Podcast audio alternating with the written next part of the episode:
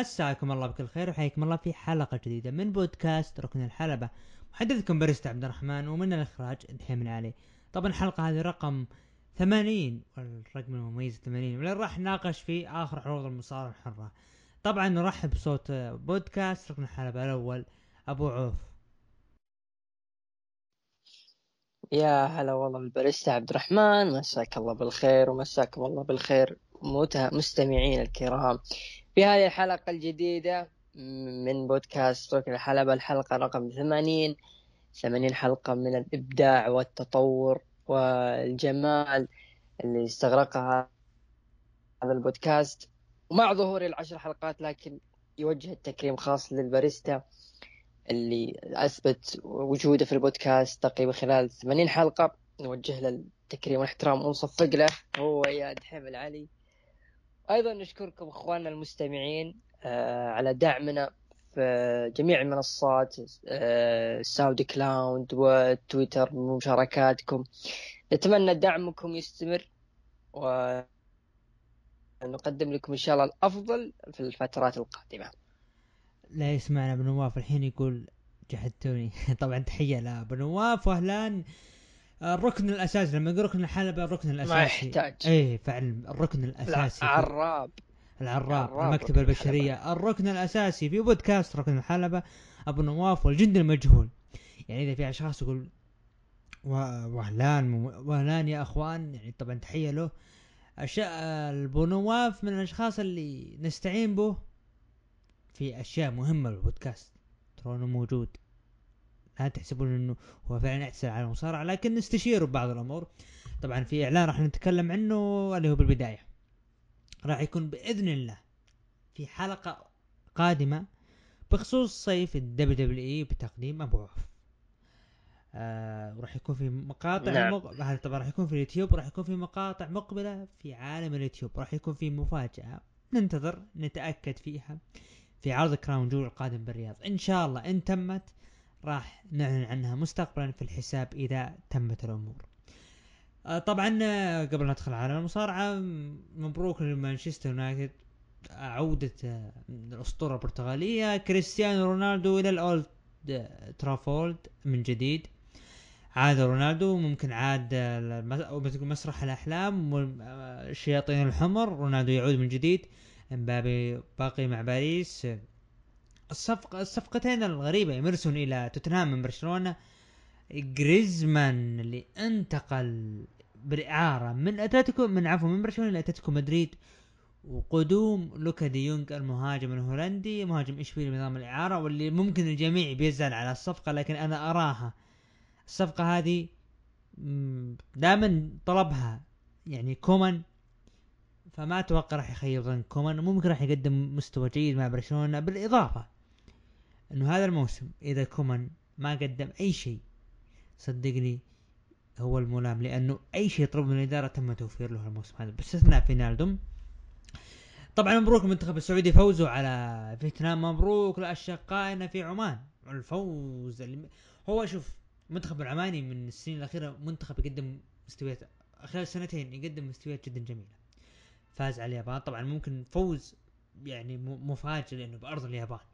مبروك منتخب العماني هاردك المنتخب السوري آه، منتخب عراقي تعادل مع منتخب كوريا رغم آه، سون اللي طلع يصايح يقول منتخب يدافع.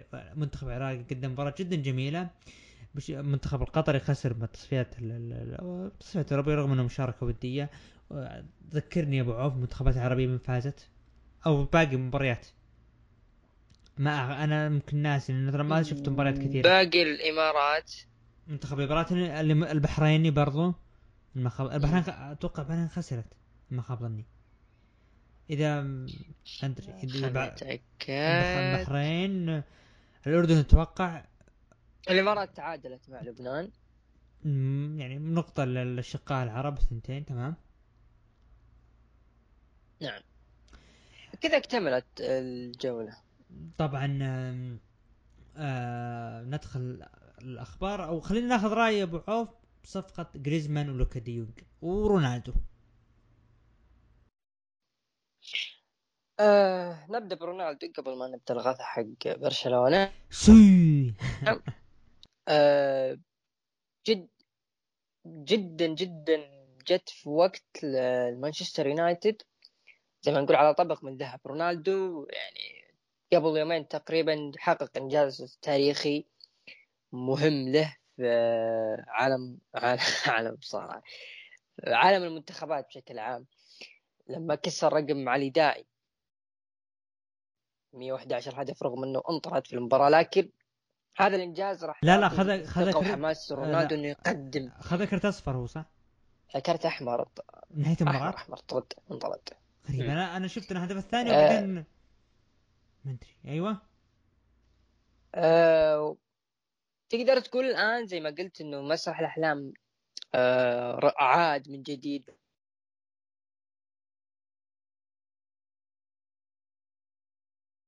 بعودة رونالدو يونايتد علشان ينافس على البريمير ليج يحتاج روح يحتاج شخص يهاجم ويلعب بشكل كامل من أجل الشعار. وهذه تكون موجودة في رونالدو. خصوصا بعد إصابة سانشو الأخيرة. يعني حسن حظهم إن رونالدو موجود. حتى كافاني لسه ما بعد رجع. هل هذا الفترة القادمة مانشستر مانشستر مانشستر يونايتد. راح يكون ممتع الفترة القادمه مانشستر يونايتد مع صفقة م. رونالدو. ما له عذر بتحقيق الأبطال؟ ما له عذر بتحقيق الدوري؟ على الصفقات. الأبطال أبطال ممكن يكون له مكان لكن بالبريمير ليج لا ما له عذر خلاص. الفريق جاهز تماما للحصول على البريمير ليج. عناصر موجودة أسماء موجودة. واضحة للجميع رغم إنه الآن سولشاير يعاني من الفرق الصغيرة والمتوسطة لكن قادر يقدم أداء أفضل مما كان يقدم عليه السنوات اللي راحت. فخلاص سولشاير مع اليونايتد أصبح جاهز تماما للبريمير ليج دوري الأبطال راح يروح بعيد نقدر نقول الدور الثمانية أو دور ال 16 لأنه مجموعته على الورق شبه ما سهلة يعني فيها فياريال وكم نادي ناسيهم ما تحمل الذاكرة الآن. أتلانتا الإيطالي. لكن على مستوى البريمير ليج لا أتلانتا الإيطالي. لكن على مستوى الدوري لا الفريق جاهز جاهز لمقارعة الكبار سواء السيتي آه، تشيلسي المدججين بالنجوم توتنهام اللي بدع مع آه، إسبيريتو سانتو. خلاص النادي شبه ما قادر يوقف أمام هؤلاء ويحقق اللقب البريمير ليج بوجود رونالدو. اللي هو تقدر تقول آه، مع وجود دي خيا أحد ورثة السير أليكس فرجسون اللي كان هو السبب تحول الصفقة من السيتي لليونايتد هذا بالنسبة لي آه، رونالدو. آه، جدا متحمس لظهوره الأول مع اليونايتد رأيك بالظاهره الظاهرة الهولندية لوك دي يونج طيب حولنا على برشلونة. آه هذا النادي. يعني تخيل تخيل معي. لابورتا وبارتوميو كان بينهم تصريحات بداية آه، أو في منتصف أغسطس. لما تكلم لابورتا إنه آه اللهم صل على محمد إنه بارتوميو أعطى مهر لاتلتيكو آه مدريد إنهم باعوا باع لهم سواريز وما ادري إيش وهو سبب اللعب في المستوى المالي وما ادري إيش. طيب يا لابورتا معقولة تعيد الكرة إنك تعطي آه جريزمان لأتلتيكو مدريد بإعارة مع أحقية شراء ب 40 مليون؟ ليه ليش الزامية الزامية الزامية شراء.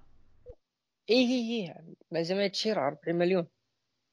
ليش تكرر الخطأ اللي وقع فيه سابقك اللي قاعد طقطق عليه لك شا... لك أسبوعين؟ يعني معقولة ما في لعيبة. بالإضافة okay جريزمان بالإضافة إلى رحيل نتفق إنه اللاعب لاعب ضايع. إميرسون. لا لا إميرسون الآدمي هذا. لا لا بيانيتش راح اعاره لبشكتاش آه، تركي. بيانيتش ممكن نتفق إنه إعارة لأنه اللاعب يعني أنا أحترمه وقادر يقدم شيء في خط الوسط لكن كومان مش مشكلته ما إذا حط في باله لعيبة خلاص ما راح يغيرون ما راح يتغيرون. للأسف فكر البقرات المقدسة في كومان للأسف فهو مناسب فكر النادي. أه... إميرسون يعني اللاعب جالس يتطور وتبيع لتوتنهام ل 40 مليون. يا أخي تدري إنه هذا العرض كان يعني آه، مساوي العرض ليون اللي قدموه لأومتيتي 40 مليون ومع ذلك آه، لما قالوا أومتيتي أنا ما راح أروح قالوا خلاص أمر الله شق الجربة وهذول وخذوا بوتنج عاد. أجر آه، اصر أصروا أصروا على إنه يروح اميرسون ليش طيب؟ ليش التعامل الغريب هذا؟ والله صدق بدال ما تضيق صدرك والله صدق تضحك على ذا النادي واللي قاعد يصير. نصيحة خلك فيه خلك انتراوي لك افرح ما يبعد كثير الإنتر عن ما يبعد كثير عن برشلونة و... والإنتر على الأقل سنة واحدة يظهر وبعدها يختفي. لكن نشوف نشوف السنة هذه. الإنتر آخر مباراة آه. طبعا فاز آه، 3-1 على كيبو فيرونا بعد ما دخل البديل طبعا لو ترى سجل الهدف الأول ودخل خواكين كوريا وجلد آه، كيبو فيرونا بهدفين وارتقاء عالمي. طبعا دائما يقول لك الأرجنتينيين صناع الأفراح بال... بالإنتر و... و no Argentina no party with Inter. اسلم الأرجنتين صناع الأفراح في كل مكان. لوك دي يونغ آه صفقة حلوة بالنسبة لي يعني اللاعب ترى حلوة جداً المدرب جميل. صدقني شوف شوف شوف. أنا قلتها لاعب.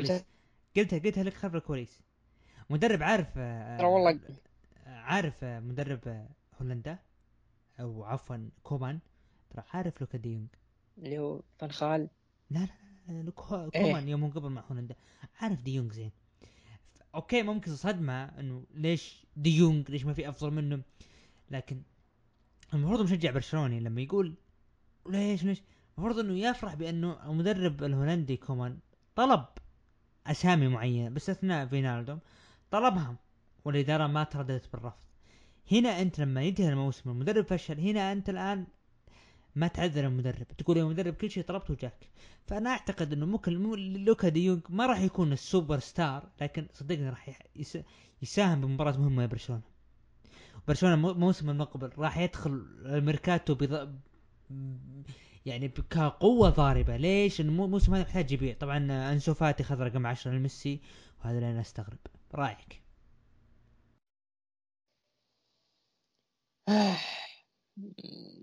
ما أدري. أحس إنه اللاعب توق صغير على الرقم 10 اللاعب يعني لحد الآن مصاب وللآن ما ظهر على الأقل 10% من ال... من الاداء اللي ممكن قادر يقدمه. يعني على الأقل لو واحد يعني بتعطيه رقم 10 كنت أفضل كوتينيو على أنسو فاتي. لكن إذا هم أعطوه رقم 10 لأنسو فاتي فهذا دليل إنه الإدارة حاطة ثقلها وحاطة إيمانها التام بهذا اللاعب إنه ممكن آه، يكون هو زي ما تقول حامل شارة برشلونة السنوات القادمة. وهذا للأسف مو بس هو كل الناس اللي اللي يشجعون برشلونة سواء في مواقع التواصل الاجتماعي وحتى الصحف ال- الكتالونية كلهم داعمين أنسو فاتي بشكل كبير جدا إنه هو المنقذ وإنه هو وإنه هو وإنه هو. شوف ما دام انه مخاوي ديمبلي فهو نفس الشيء. هذول الاثنين بيطلعون في نفس الوقت وبيطيحون نفس الوقت. يعني مو معقولة هم في نفس الشهر جتهم إصابة. مو معقول تقريبا خلال فترة بيرجعون لو عط... لو عطوها البدري بيكون مقنع أكثر. أتفق معك بدري أكثر. آه، يعني زي ما تقول عطاء يعني خلال سنة واحدة ما وقف الرجال. حتى ترى لفترة غيابه آه، طلب منه إنه يبغى راحة ولا جاب لويس انريكي رغم إنه يدري إنه مهم للتشكيلة لكن ما جاب. ليش؟ انه الرجال له سنة قاعد يلعب؟ تقريبا 364 يوم. الرجال قاعد يحرث الأرض. 70 يحتاج مباراة يوم راحة. تقريبا. آه، متحمسين جدا لعودته. اي ف متحمس جدا لعودته آه، خصوصا إنه خط الوسط في برشلونة تقدر تقول تحسن من أول كتمريرات. آه، مستقبل برشلونة مع الدوري بينافس لكن في دوري الأبطال للأسف ما راح ينافس ما راح يروح بعيد يعني. ممكن نخرج من دور 16 لأنه في فرق صراحة تخوف. يعني عندك السيتي والباريس هذول راح يتنافسون على المركز الأول. عندك اليوفي وتشيلسي عندك بايرن عندك نفس المجموعة فراح تضيع بينهم بين هذول الكم الهائل من الفرق. الله يستر يعني هذا اللي أقدر أقوله وأختصر كلامي عن نادي بشر قول الله يستر لأنه فعلا في لعيبة يستحقون الرحيل ويستحقون معاملة أسوأ من اللعيبة اللي أجبروا على رحيلهم ومع ذلك يسرحون يمرحون بالنادي ولا والإدارة مغطية عليهم. والصحف الكتالونية اللي تهاجم النادي اسبوعيا ما تهاجم اللعيبة هذول. تمام يعطيك العافية. طبعا ندخل الآن عالم أخبار المصارعة. رسميا سيو بانك اعتذر من عالم الفنون القتالية MMA، بعد عودته ل AEW وهذا كان المتوقع. آه، طبعا آه، في خبر إنه طبعا NXT عرض NXT تم تغيير شعاره. في خبر إنه فينس مكمان وبروس بريتشارد راح يتولان رسميا القرارات الكبرى في NXT وفي خبر ثاني إنه من يوم 15 سبتمبر راح يتولى فينس مكمان وريتشارد إدارة عرض NXT وتحديد القرارات المهمة. رأيك؟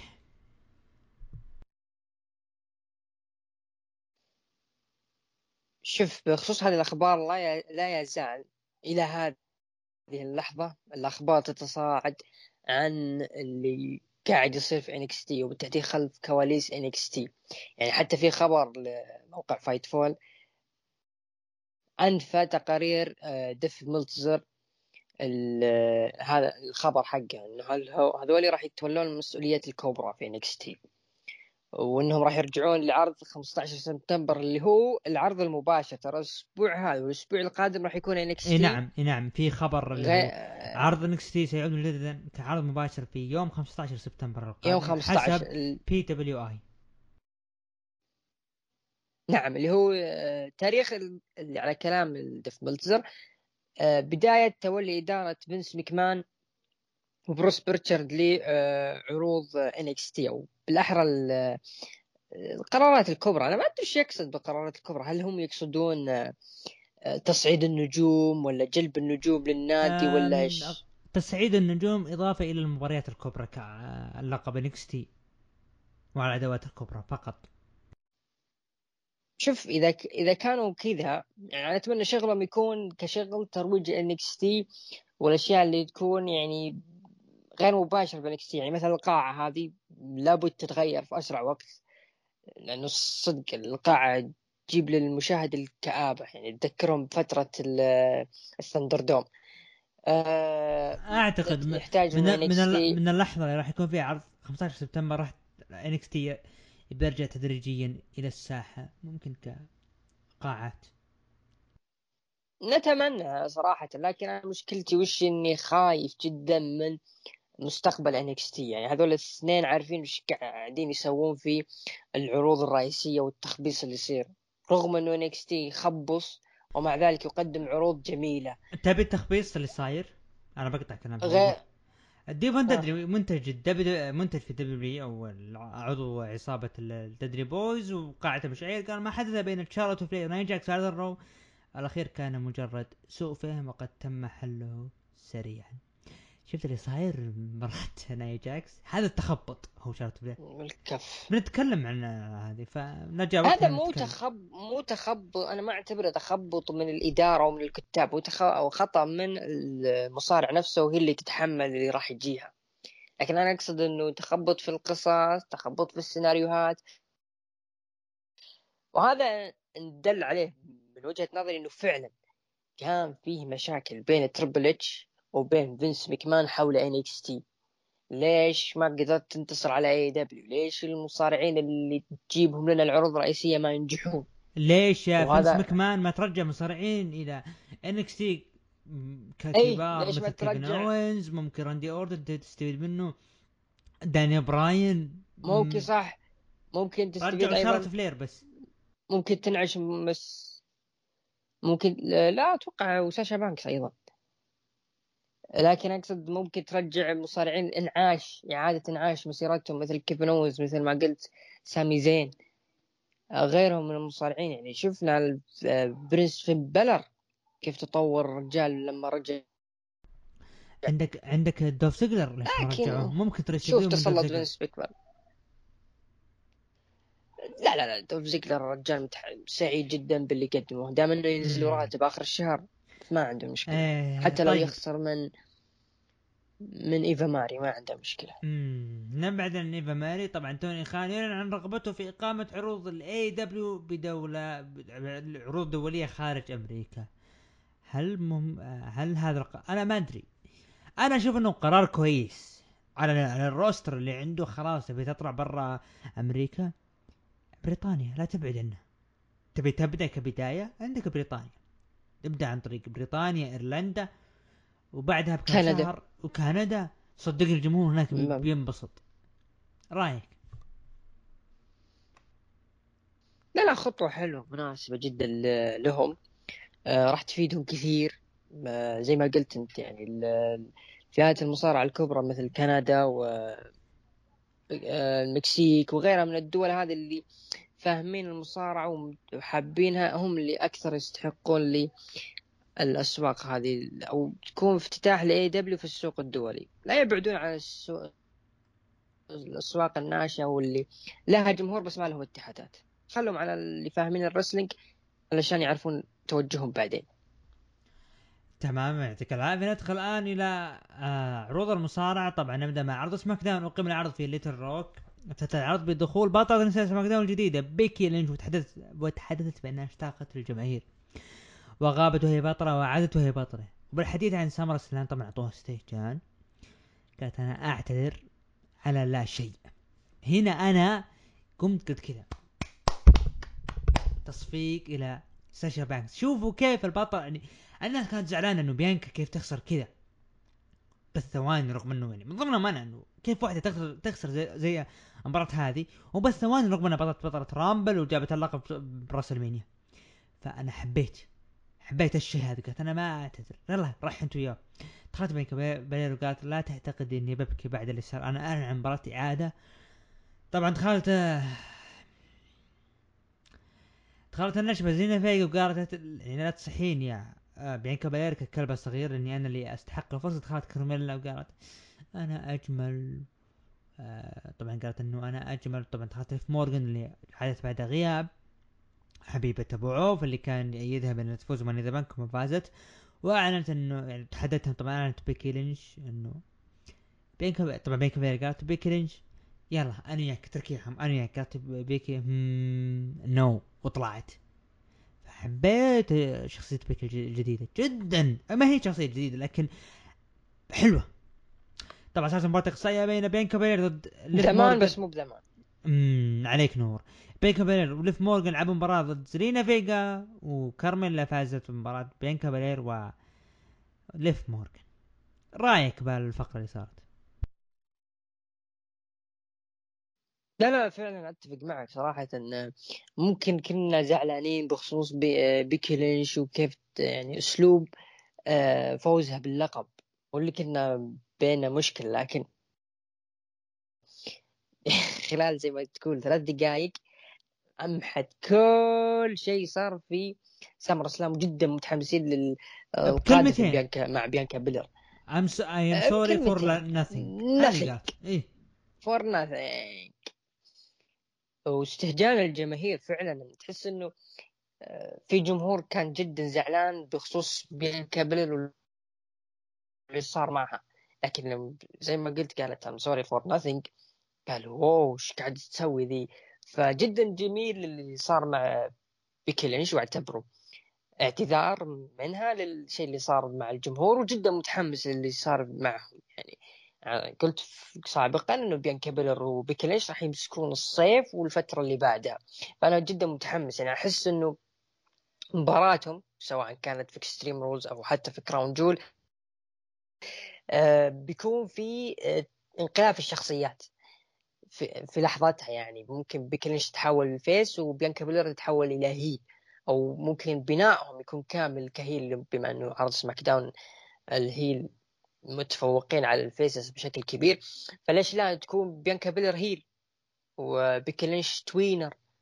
جدا راح يقدمون آه، شيء عظيم على سواء على المايك أو على الحلبة. وحتى ممكن اكستريم رولز بيكي لينش مثلا تخسر بال DQ أو تفوز بال DQ عرض السعودية بيانكا بيلر تفوز لكن تتحول ل heel على معلش على طاري عرض السعودية طبعا. في خبر طلع إنه ملكة الحلبة أيوه.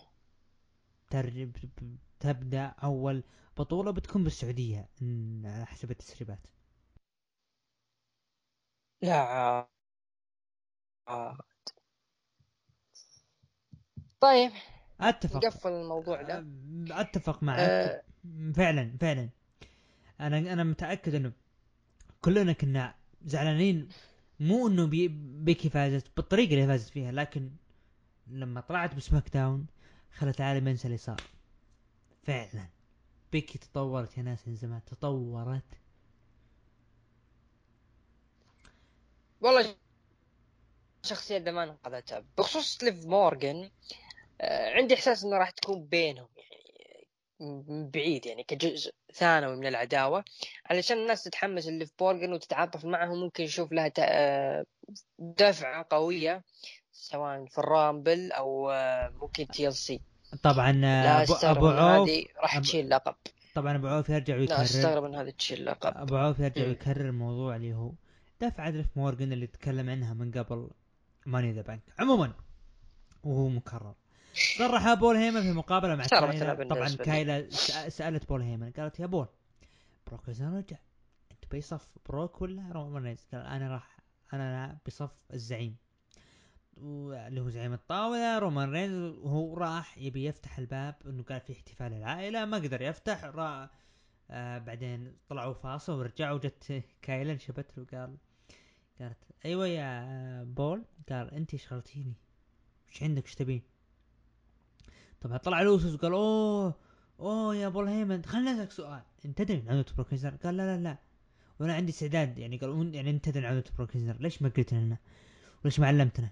قال وأنت ناوي تخرب على رومان رينز؟ قال لا لا لا وأنا عندي استعداد إني أنا أخرب على رومان واللي ب... يعني معقولة أنتم تشوفون إنه أنا أبني شيء مع رومان بعدين أنا اهده؟ لا طبعا قال إنه يعني قال إنه أنا جاي مع رومان رينز وعلى فكرة آه، أنتم قلت يعني هم قالوا إنه أوه ليش تبعدون عن المباراة؟ قال أنا ما بعدكم رومان رينز هو اللي بعدكم.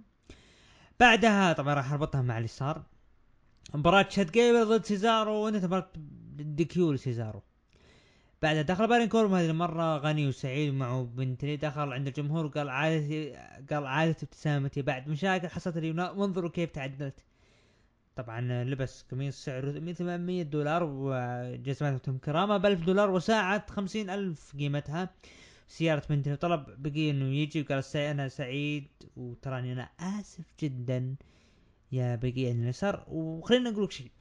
وش رأيك تعطيني حقيبة بسعر 20 ألف دولار؟ طبعا رفض بيق إي. قال 50 رفض بيق إي. قال طيب 100 ألف طبعا رفض بيق إي, آه، قال hell no طبعا آه، okay. أنت يعني ما تبي هذه خلاص أنا طالع طبعا قال بيق إي قبل ما يطلع راح أروح لاجلدك الحين وأشيلك أنت ابتسامتك رأيك ب بارين كوربن وبيق إي صاير بينهم؟ جدا جدا رائع جدا رائع اللي صار بينهم. أه تكلمت في تويتر وارجع عيد أه بعد نجاح عداوة إل إي نايت وكاميرون جرايمز أحس إنه WWE حست إنه أه شخصية الغني السعيد المتكبر راح يكون لها وجود بالتحديد مع بيرين كوربن. أه لما أنا بالنسبة لي نجح بشخصية الفقير المسكين. فترة وجيزة خلوه غني. فالرجال أبدع صراحة خلال برومو. آه، يخلي الناس تتفاعل القادم لبرين كوربن. يعني ممكن نشوف إنه ممكن يتحكم العرض بفلوس يعني ممكن يستثمر في عرض سماك داون ويخرب على نتائج مصارعين. فهذه من الأشياء اللي قاعد أربطها في مخيلتي وش ممكن يسوي برين كوربن الغني. يعني ما نبغى غني والله يعطي هذولي ممكن غني آه، ممكن يرشي ممكن يستخدم أشياء خارج على القانون عشان إيش؟ يستخدم الأشياء اللي هو يبغاها. فلما نشوف إنه عداوته مع بيج اي مستمرة وبالتحديد مع الحق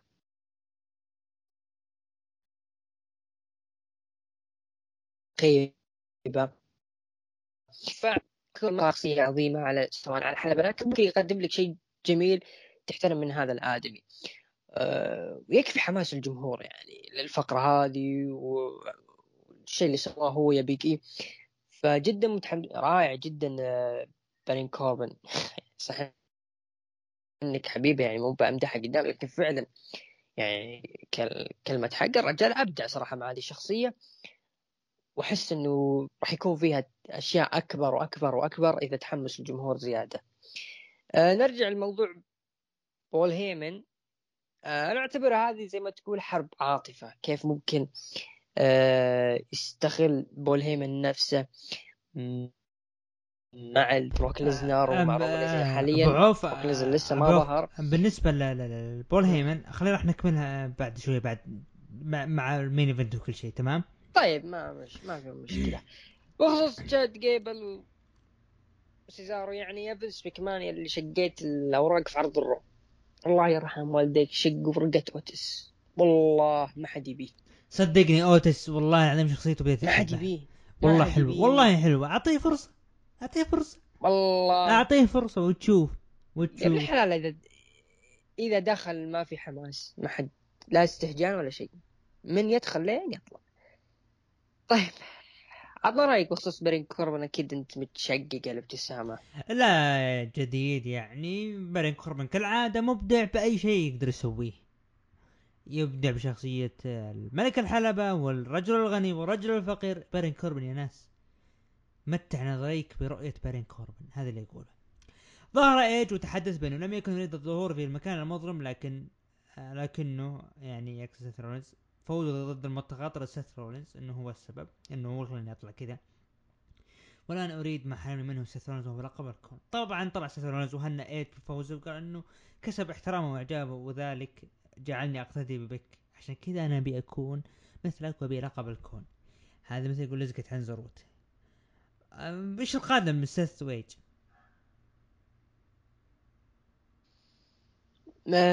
أحس إنه راح يكون في فصل جديد مع إني ما أعتقد أحس إنه اللي صار في سمر سلام جزء وانتهى لكن أحس إنه العداوة راح تكون فيه منحنى آه، جديد. ممكن اكستريم رولز فصل الضراء أنا أعتبره يعني شوف آه، تكون مباراه خاصة وتكون مظلمة. أحس إنها راح تكون مظلمة مباراه وحول النيران زي اللي صار مع ذا فيند وراندي. يعني ممكن في ناس ما شافت ذا فيند وراندي والإبداع والإجرام اللي سووه هذول الاثنين فممكن يسوونه مع إيج وراندي مع حماس الجماهير لشخصية البرود زي ما قلت سابقا إنه شخصية البرود. كثير ناس ما لحقوا عليها ولا يعرفون عنها وش كان يقدم ايج في ذيك الأيام. فجت هذه الفترة آه، إيج أنا متأكد إنه راح يبدع في هذه الشخصية إبداع مو طبيعي ويستحق لو كان هو مصنف على لقب الكون يستحق. وأعتبر شخصية البرود اعتذار من ال WWE على فسخ عقد ذا فيند وجبنا لكم شخصية ظلامية مكان ذا فيند اعتذار. طيب. جاء رومان رينز شاف بول هيمن برا وقال وش تسوي وليش ما دخلت؟ طبعا قال رومان قال بول هيمن ولا شيء انتظرك. قال يلا ليش ما دخلت؟ وليش ما تبي تفتح الباب؟ طبعا بول هيمن فتح الباب وكان خو... يرتجف. بعدها مباراة كينج ناكامورا وريك بوغز ضد روبرت رود ودولف زيجلر فاز فيها ريك بوغز وناكامورا. طبعا ظهرت نايومي وطلبت يعني وقالت سونيا ديفيل أنا جيت ويلا أعطينا مباراة قلتيها و من الكلام. ما أدري يعني. قالت أنا يا نايومي مدت إنه أنت جاية لكن الأسبوع الجاي. انت فاهم ري ميستيريو قال دومينيك حان الوقت إنه أنت صار لحالك وابتعد قليل عن الحلبات. يعني أنا ببعد وأنا بدعمك. دومينيك ميستيريو ضد سامي. زين العائد بعد غياب فاز فيها سامي. زين. أم زي سؤال دومينيك ميستيريو. نقطة هنا.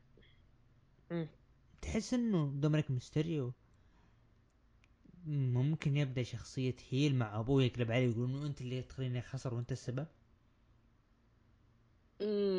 ممكن. ليش لا؟ يعني أحس إنه WWE ما اللي حاطة ثقة في آه، دومينيك ميستيريو مع إني أحس إنه الآدمي يبيله شوي يعني. حتى الآن الأداء شفت الطيحة حقته مع سامي زين؟ أقسم بالله يعني إني ضحكت ضحكت. حسبتها في البداية botch لكن طلعت في الأخير. أه سامي زين هو اللي بعد. أه أنا ما أدري. أحس إنه دومينيك لحد الآن يبيله شوي على أه أداء في الحلبة يعني. لا زال الابن فيه بطء شوي. ممكن ممكن ينقلب heel آه، على الأبو. أعتقد ما شفنا عداوة بين ابن وأب من آه، شين مكمان وفينس مكمان اللي صارت ب 17 راسلمانيا 17 وحتى أيام الالاينس وليش ما يكون ممكن آه، يقدم ري شيء. ميستيريو؟ يقلب. هو اللي يقلب؟ يبدأ شخصية جديدة ممكن شخصية ختامية له. أنا أشوفها حلوة حلوة. ممكن يقدمها الاثنين ممكن ممكن يسوون شيء.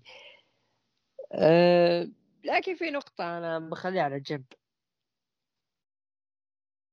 اللي هي طبعا كلنا عارفين إنه بات مكفي للأسف تعرض لإصابة فيروس كورونا وغاب عن العرض وحل محله مين؟ آه، كان كوري جريفز وكيفن اونز أنا كنت زعلان جدا على إضافة إيه. إضافة كيفن اونز لا لا لا لا لا.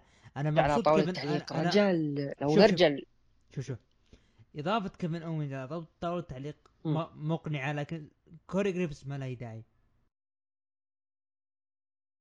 هذه صح ممكن. لكن أنا بالنسبة لي كيفن اونز ما أدري أحس مو مكانه مكان التعليق. لو بيجيبون مصارع يعني مكانه كطاوله تعليق سامي زين. سامي زين هو اللي ينفع طاوله تعليق وبديل مكان آه، بات مكفي حتى ممكن تصير بينهم عداوة على طاوله التعليق بس ما أتمنى توصل للحلبة. لكن تكون بينهم على طاوله التعليق. لأنه كيفن اونز لو نرجع للعرض ترى ما تكلم كثير. يا الله يا الله يتكلم. تحسه رجال فعلا غاصبين أو أو جاء تح- تحطم من إنه ليش يصير يعني معلق أو على كرسي التعليق. حزنني كثير وضع الرجال وهذا دل عليه إنه فعلا ال WWE ما لها أي خطط لكيفن اونز ما عندها أي شيء ممكن تقدمه مع هذا الآدمي. تمام. طبعا قبل ما يبدأ احتفال عائلي بول هيمن كان خايف وقال رومان رينز ترى أنا دائما احبه أنا تراني أحبك وثقتي فيك قوية. دخلوا الحلبة نظرات بول هيمن اللي أعجبتني بأنه خايف.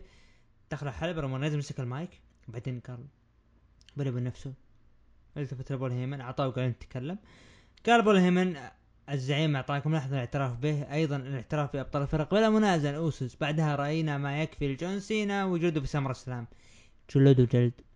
حان الآن وقت احتفال البطل بطل الكون رومان رينز دخل فين بلر قال أنت عارف إن مباراتها تغيرت بسبب جون سينا والآن ايج ارغب باللقب بروك عاد وأنا كنت أريد التحدي في اكستريم رولز لكن أريد التحدي أبي التحدي يكون أسبوع المقبل في عرض سماك داون طبعا جلد رومان رينز والأوسوس آه آه طبعا تضارب مع رومان رينز والأوسوس دخلوا ستريت بروفيتس وأنقذوا فين بالر نفذ حركته القاطعة على أحد أتوقع إنه جاي أوسو صح؟ أو جيمي؟ آه جيمي جيمي. جيمي جيمي. انتهى العرض و- و- والعرض كان في مشاهدة لمليونين وثمانية ألف كان ارتفاع عن العرض السابق اللي كان مليونين و 250 ألف ارتفاع تقريبا 500 450 تقريبا. هذا كان عرض آه سماك داون أبي رايك أبو عوف. باللي صار ما بين بول هيمن والأوسوس وال main event. آه للتوضيح العرض ككل كان مليونين وثمانمية لكن الفقرة هذه كانت مليونين ومئتين وخمسين ألف. اللي هي فقرة احتفال ال- ال- العائلة هذه البلود لاين اسمها بلود لاين الحين. آه بالنسبة لي آه جدا جدا عجبني بول هيمن. هذا الآدمي أدواره بسيطة أدواره واضحة يعجبك هذا الآدمي صراحة. آه لما جاوا يختبرونه في العاطفة هل ها بتكون مع بروك ليزنر ولا بتكون مع رومان رينز؟ شفت نظرات الأوسوس يعني قاعدين يختبرونه. تحس إنه آه آه رومان رينز يعني بدال ما هو يعني يقول إنه والله أنا أحبك تحس إنه راسلهم يراقبونه هل هو فعلا مع بروك ولا معي. آه والارتجاف هذا والهيبة أنا بالنسبة لي عطت رومان رينز يعني ثقل كوزن للأسف فقدناه كثير مع اللي راح نجي بعدين في عرض الرو اللي هو بطل دبليو دبليو إي بوبي لاشلي. للأسف هذا الشيء يفتقده كثير بوبي لاشلي عن رومان رينز آه إنه فعلا سماك داون معطينه آه، وزن بطل حقيقي. وبول هيمن هو بول هيمن إذا هو يعني قاعد يرتجف من الزعيم حقهم ذا يعني بالنسبة لي أعطته إنه آه، كي فيب وواقعيه لأسلوب رومان رينز إنه فعلا ما حد جاي قده. آه، دخول آه، فين بلر. أنا كنت متوقع إنه فين بلر راح يكون بشكل أقوى جدا. جاب طال جون سينا تحس إنه فعلا راح يكون بين الاثنين اي نعم أو بين حتى قال إنه جون سينا. حتى حتى قال إنه راح يتعامل. مع جون سينا لاحقا. إي ففعلا أحس إنه بعد ظهور جون سينا إن شاء الله راح يكون في 11 سبتمبر تبدأ هناك عداوتهم. نشوف آه، جون سينا إن شاء الله. بعد اكستريم رولز لأنه راح يغيب. في اكستريم رولز نشوف إن شاء الله في عرض السعوديه راح تكون بدايه مباراتهم مع عداوتهم جدا متحمس لهم جدا متحمس مع الثلاثي. هل ممكن يقدمون ولا بروك ليزنر راح يدخل في الصف مع لقب الكون مع رومان رينز؟ اي هذا اللي يعجبك هذا اللي يعجبك في سماك داون. ثقل ال main eventer عندهم بشكل غير طبيعي بعكس الرو. الرو توهم ير- يركزون على ال main eventer وكيف ممكن يبنونهم. الفقرة اللي راح تجيهم في عرض الرو. لكن سماك داون لهم تقريبا شهرين وهم قاعدين يبنون في فئة ال main eventer من بعد هيل إن سيل. وجنوا ثمار هذا هذا البناء. وهم الآن قاعدين ينف... ممكن أنا أعتبرهم كم لنا ولا نقول سماك داون أفضل عرض أسبوعي. تقريبا آخر خمس حلقات من البودكاست كنا نقول سماك داون هو أفضل عرض. ليش لثقل الاسماء ال main eventer؟ اللي يعتمد عليهم سماك داون سواء غاب هذا حل محله هذا. في عداوة هذه لها أسلوب خاص قاعد يعرضونه لهم. هذا شيء جميل جدا في عرض سماك داون ولا ألومهم صراحة. سماك داون يستاهل. يستاهل يستاهل. في نقطة برجع لها. ريورس شوي لناكامورا وريك بوغز. أوكي. إحنا عاجبهم ريك بوغز وكيف شايل ناكامورا ورجع حماس الناس لأغنية ناكامورا واضحة اللي واضحة. كانت شوي ميتة. وا... نقطة النظام واضحة. لكن أبو عوف هذه واضح إنه في ريحة قلب ما بين ريك بوغز وناكامورا وأحس إنه ممكن ما- ريك بوغز حقق اللقب. عندي إحساس. ما أبغى قلب يا أخي. أنت قاعد تعيد سيناريو العام الماضي بين سامي زين وسيزارو وناكامورا. اللي كان للأسف بيض وما عطانا ناكامورا كبطل حقيقي تعيدوا مع ريك بوغز ليه؟ هنا بس اللي ممكن سماك داون عدة استفهامات يعني. وللأسف كنا متأملين كثير في ناكامورا وريك بوغز إنه ممكن يقدمون يعني آه، character حلو لأنه ناكامورا يعني رقاص وممكن يستعين بريك بوغز لكن للأسف ريك بوغز راح يصارع وهذا أنت قلتها ممكن ياخذ لقب القارات. يعني هذا لقب القارات شوفوا وش قاعد يقدم الرجال. الله يستر طيب عطنا تقييمك لعرض سماك داون. آه، أعطيه سبعة ونص. سبعة ونص. أنا بالنسبة لي sorry اعطيه for nothing آه، أعطيه ثمانية من عشرة. يلا عشان بارون كوربن ثمانية ونص من عشرة. تقييم المتابعين قيموا العرض سماك داون من تسعة لعشرة ب 12% ومن خمسة إلى ثمانية قيموه ب 48% أقل من خمسة قيموه ب 39% عطنا عرض الرو يا أبو عوف.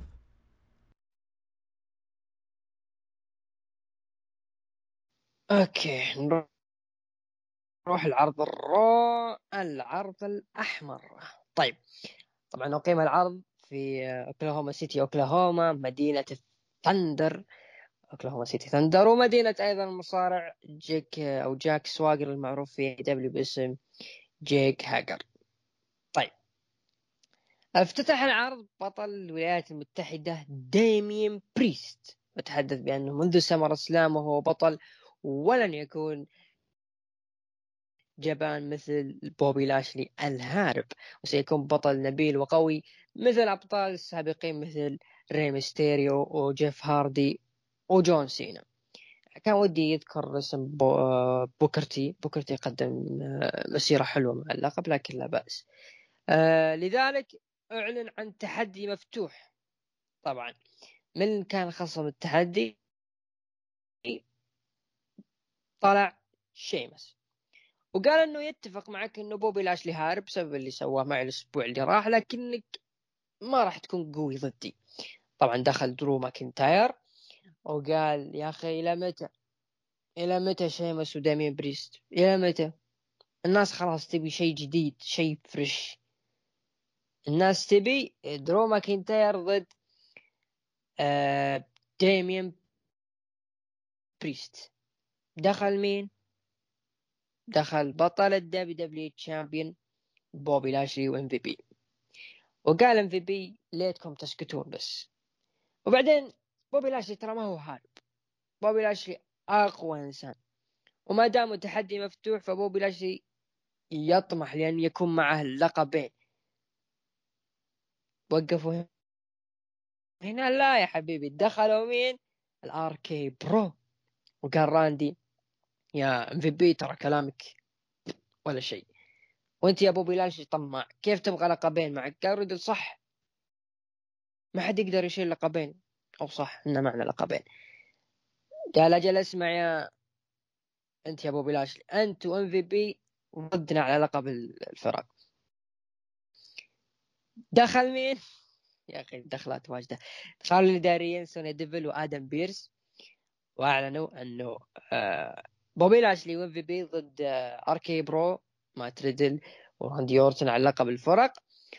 وعندنا مين؟ عندنا. دامين بريست راح يدافع عن لقبه ضد شيمس ضد درو ماكنتاير في مباراة ثلاثية. نوقف هنا؟ لا لا لا لا لا. في عندنا الباريستا أيضا راح يقول لنا رأيه بخصوص هذه الافتتاحية لعرض الرو آه، شوف آم، افتتاحية جميلة. يمكن من زمان ما شفت افتتاحية حلوة مثل افتتاحية عرض الرو دخول داميان بريست تقديمه البرومو أنا عندي هنا نقطة مشكلة بسيطة. لما قال أنا عندي تحدي مفتوح قال شيمس أنا بالتحدي شيمس أنت عندك rematch لك حق تطلب rematch بعدها دخل درو ماكنتاير. أنا عجبني دخول درو ماكنتاير لما قال إنه أنا حققت لقب ال WW لقب الفرق لقب القارات باقي لقب الولايات أبيه فجدا جميل. بوبي لاشلي دخوله بالصورة يعني أحس إنه في خصم قادم من بوبي لاشلي الأسبوع المقبل بس إنه جالسين يعني يروجوا له بأنه تخيلوا يكون داني براين اي بس آه، للأسف دخول بوبي لاشلي مع ام في بي للمره الثانية طيب آه خليني خليني خليني كفرق كفريق. خليني, خليني بربط أنا بربطها إيفنت. آه نتكلم عن اللي صار بالفيديو ولا حق جولدبرغ؟ اعطيه رأيي. بنجي بنجي لجولد. طيب. بنجي. آه، أنا هنا أعطاني إنه أوكي إم في بي ممكن أو عفوا جولدبرغ إنه عفوا عفوا بوبي لاشلي إنه ممكن فعلا في خصم جديد الأسبوع المقبل. بجسم جديد. أوكي درو ماكنتاير افتكينا منهم بالمين إيفنت ترى بيكون على لقب الولايات. حلو حلو حلو. كذا اشتغلوا عليه. أه... تمنيت إنه ليش ما يكون شيمس ضد بوبي لاشلي بإكستريم رولز؟ وتجالدون تجالدون تجالدون تجالدون بعد المباراة يظهر نجم مفاجئ. يهجم على بوبي لاشلي بعد نهاية المباراة. بتكون حلوة. والله بتكون حلوة. آه ما تريد حبيت آه، دخوله وإنه تهوروا بإنه أوه أنا قادح ضدنا من هالكلام. جدا الفقرة كانت جدا جميلة وافتتاحية العرض الرو كانت جدا جميلة صراحة. زي ما قلت سابقا هذه بداية آه نجوم الأسس اللي راح يعتمد عليها عرض الرو قبل آه draft ولو أنه متأخر. لكن أن تصل متأخرا خير ممن لا تأتي أبدا. أنا أحس أنه اللي راح يجني ثمار هذه الافتتاحية وهذا البناء هو داميان بريست وآر كي برو ودرو ماكينتاير إعادة الثقة من جديد. وممكن شيمس يعني والله تصدق كلهم يستحقون آه spot طيب. آه نروح المباراة اللي بعدها. عندنا مباراة آه، ريا ريبلي ضد آه، شينا بيزلر. طبعا قبل المباراة آه، تواعدت نايا جاكس ريا ريبلي ونيكي آش. كما تواعدت أيضا انها راح تجلد تشارلوت فلير. طبعا صارت المباراة بين ريا ريبلي ضد شينا بيزلر. انتهت بانتصار لريا ريبلي بعد المباراة هاجمتها نايا جاكس. كانت هجوم شوي وحشي. آه بعدها شفنا مباراة فرق بين ال Viking Raiders الفريق العائد أخيرا ضد جندر مهال وفير انتهت بانتصار لل Viking Raiders ال promo آه البرومو حقهم جميل. شفت البرومو حقهم ال Viking Raiders الفايكنج اي إي. جميل جدا. أعتقد إنه ممكن ملامح ال heel بدت فريق فخم والله. وانه ملامح ال heel بدت وانه عودتهم للساح وبقوة أعتقد إنه قرب وراح يأخذون فرصتهم يعني. فرصة اللي فرصة فرصة. هذه. عاد فايكنج لازم يأكلون الأخضر واليابس ما يخلون أحد. أه والله شوف الفريق والله شوف مهما قدم سواء هيل فيس بيبي فيس أو حتى هيل مكروه بالذين فريق رائع تستمتع فيه. يعني ما أعتقد من زمان ما شفنا فريق كذا متناغم بينه مع بعض. كان في فريق اللي هو كتاب العالم لكن للأسف انتهوا قبل ما يبدون. وشبه ما انتهوا رسميا يعني الاثنين ابتعدوا عن المصارعة. يعني كان فريق والله متأمل فيه كثير. لكن صار اللي صار وزين ال Viking Raiders. في شعلة من هذاك الجمال من NXT هذيك الفترة. طيب. نروح للمباراة اللي بعدها اللي مباراة جميلة جدا جدا جدا. استمتعت فيها وأعتبرها أفضل مباراة لعرض ال Raw هذه السنة. اللي هي مباراة ثلاثية لقب الولايات المتحدة بين شيمس ضد درو ماكنتاير ضد ديميان بريست. بعد مباراة طاحنة بين الثلاثة انتهت بانتصار لديميان بريست وحفاظه على اللقب. بعد المباراة شفنا face to face بين ديميان بريست ودرو ماكنتاير وتصافحوا. رأيي بخصوص هذه المباراة ومستقبل لقب الولايات هل في تحدي مفتوح أو شبه ما آه، ملامح عداوة درو ماكنتاير وديميان بريست راح تستمر. ممكن كارين كروس يدخل الصورة لكن آه مباراة حلوة يعني ما راح أقول لا هي مباراة جدا جميلة ورائعة. حتى النهاية يعني معقولة مقبولة. مباراة ما راح أقولها لا ب Extreme Rules لكن أنا في شيء ببالي أنا أبي شيء يا إخوان. ضد بوبي لاشلي. أبغاها. والله أبيها. أبيها بتجي دوبل مايكات أبي شيمس ياكلوا أكل.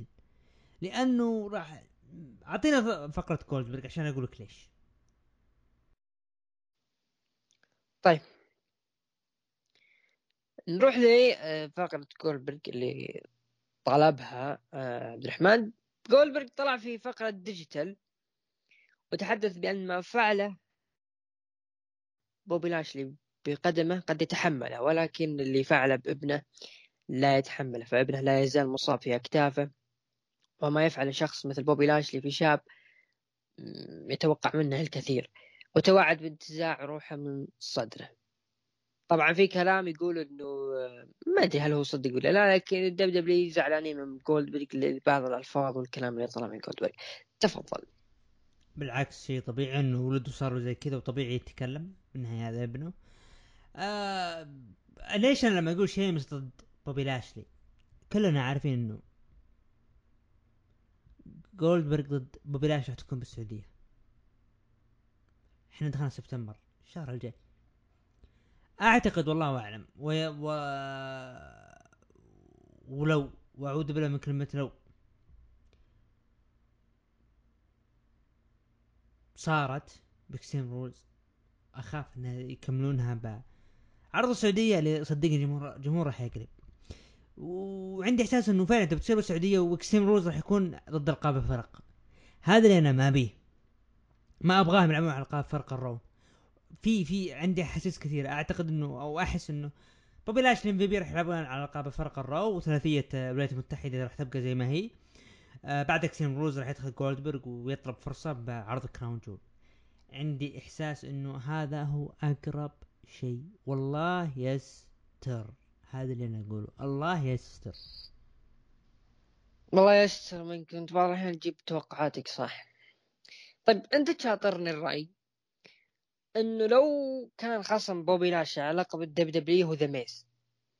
بحجة إنه The Miz لحد الآن ما طلب rematch على لقب ال WWE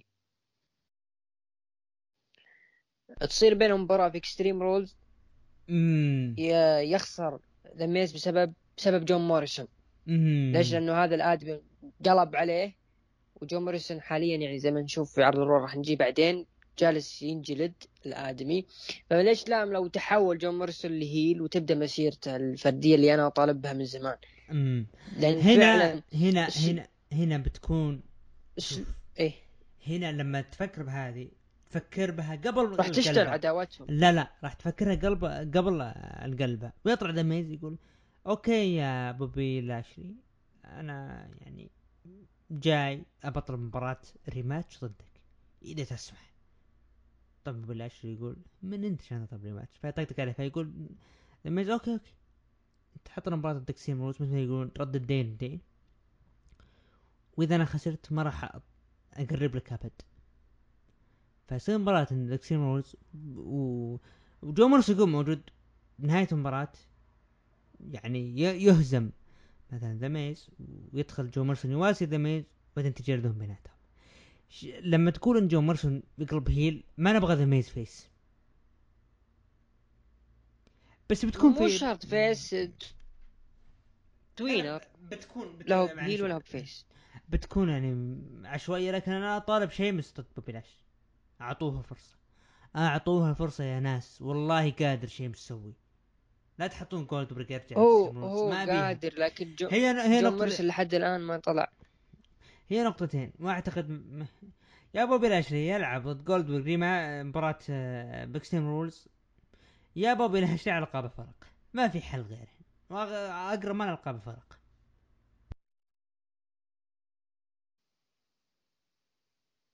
الله يستر. الله يستر إذا صار ألقاب الفرق. صدقني والله بيموت بوبي لاشلي بيموت وهو حي.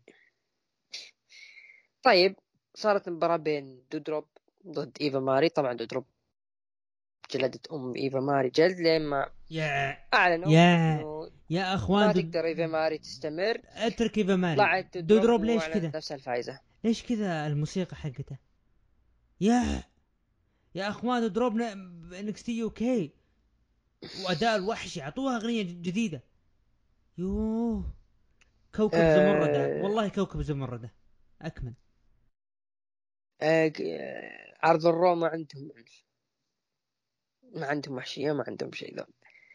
طيب نروح للي بعده. طبعا صرحت بطلة نساء Raw شارلوت بأن نايا جاكس وحش ولكنها تجلد مثل ما جلد شاينا بيزلر قبل. ليش؟ لأنها بطلة نساء 12 مرة.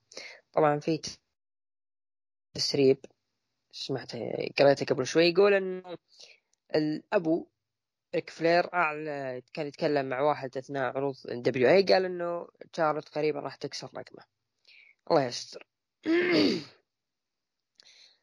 طبعا شفنا بعد مباراة بين كاريون كروس هذا شوف شوف شوف كسر اللقب هذا صاير صاير سواء الحين أو بعدين. عارفين الشيء هذا إحنا. بدون تسريب. الله يستر تكفى لا تصير. أيوه. إي بس تحس إنه ممكن يرجعون سالفة ألقاب النساء لما كان ضايع فترة 2016 2017 لما كان بين ساشا وتشارلوت بعدين ساشا والكسا تحس دبليو تعلمت من هذيك الأخطاء واللي صار في ذيك الفترة. فما عاد ما عاد صرنا نشوف أبطال يتغيرون كل أسبوعين أو مثلا كل عرض شهري. كان يتغير هذا كله. كله يتغير عشان بالنسبة لي تضخيم تضخيم مجرد تضخيم لشارلوت فلير باللقب ولا إحنا عارفين أداها كويس لكن كان مجرد إنه إعطاها اللقب كرقم فقط. عشان كذا أشوف أبطال كثيرين. هذيك الفترة. مو بس هي حتى لقب الولايات لما تنقل بين آه، كيفن أوينز وستايلز. تقريبا آه، ثلاث تغييرات في أسبوع بالنسبة لي تعلمت ال WWE من ذيك الفترة إنها ترى فترة للأسف خربت العروض. ذيك الفترة كانت العروض أفضل أو ممكن تطلع بشكل أفضل لكن تغيرات الألقاب خربت عليها فما أعتقد أنها ممكن ترجع. ممكن بعدين؟ الله أعلم. آه طبعا فاز كاريون كروس ضد هومبرتو كاريو. أعتقد رسميا خلاص صار jobber. آه بعدها شفنا شفنا الحدث اللي سبب قلق في عرض ال Raw صارت مباراة بين نايا جاكس ضد شارلوت فلير أثناء المباراة تقريبا على الجزء الأخير أو في المنتصف نايا جاكس آه، ضربت شارلوت بطريقة خاطئة تقريبا مشابهة لضربة روجولك وداني براين. طبعا لما قامت شارلوت صار بينهم جالد ومسابب بين الثنتين. عموما آه، نهاية المباراة انتصر بالأخير نايا جاكس. بالنسبة لي بالرغم من أنه الخطأ للأسف ظهرت بينا جاكس وللأسف ما هو جديد عليها الآدمية هذه لكن أعطت أنه فعلا الآدمية وحش. ممكن ممكن ترجع بعدين ل واجهت عرض الروم عن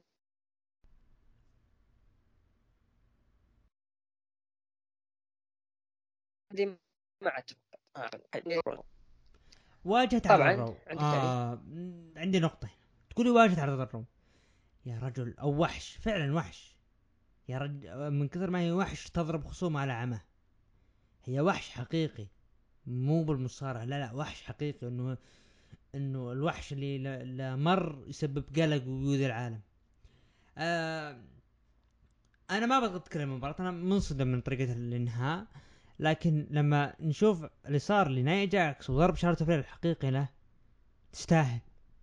إلى متى وأنت أنت سببت إصابات من النجمات؟ ترى مو كل نجمة راح تمشي لك الوضع.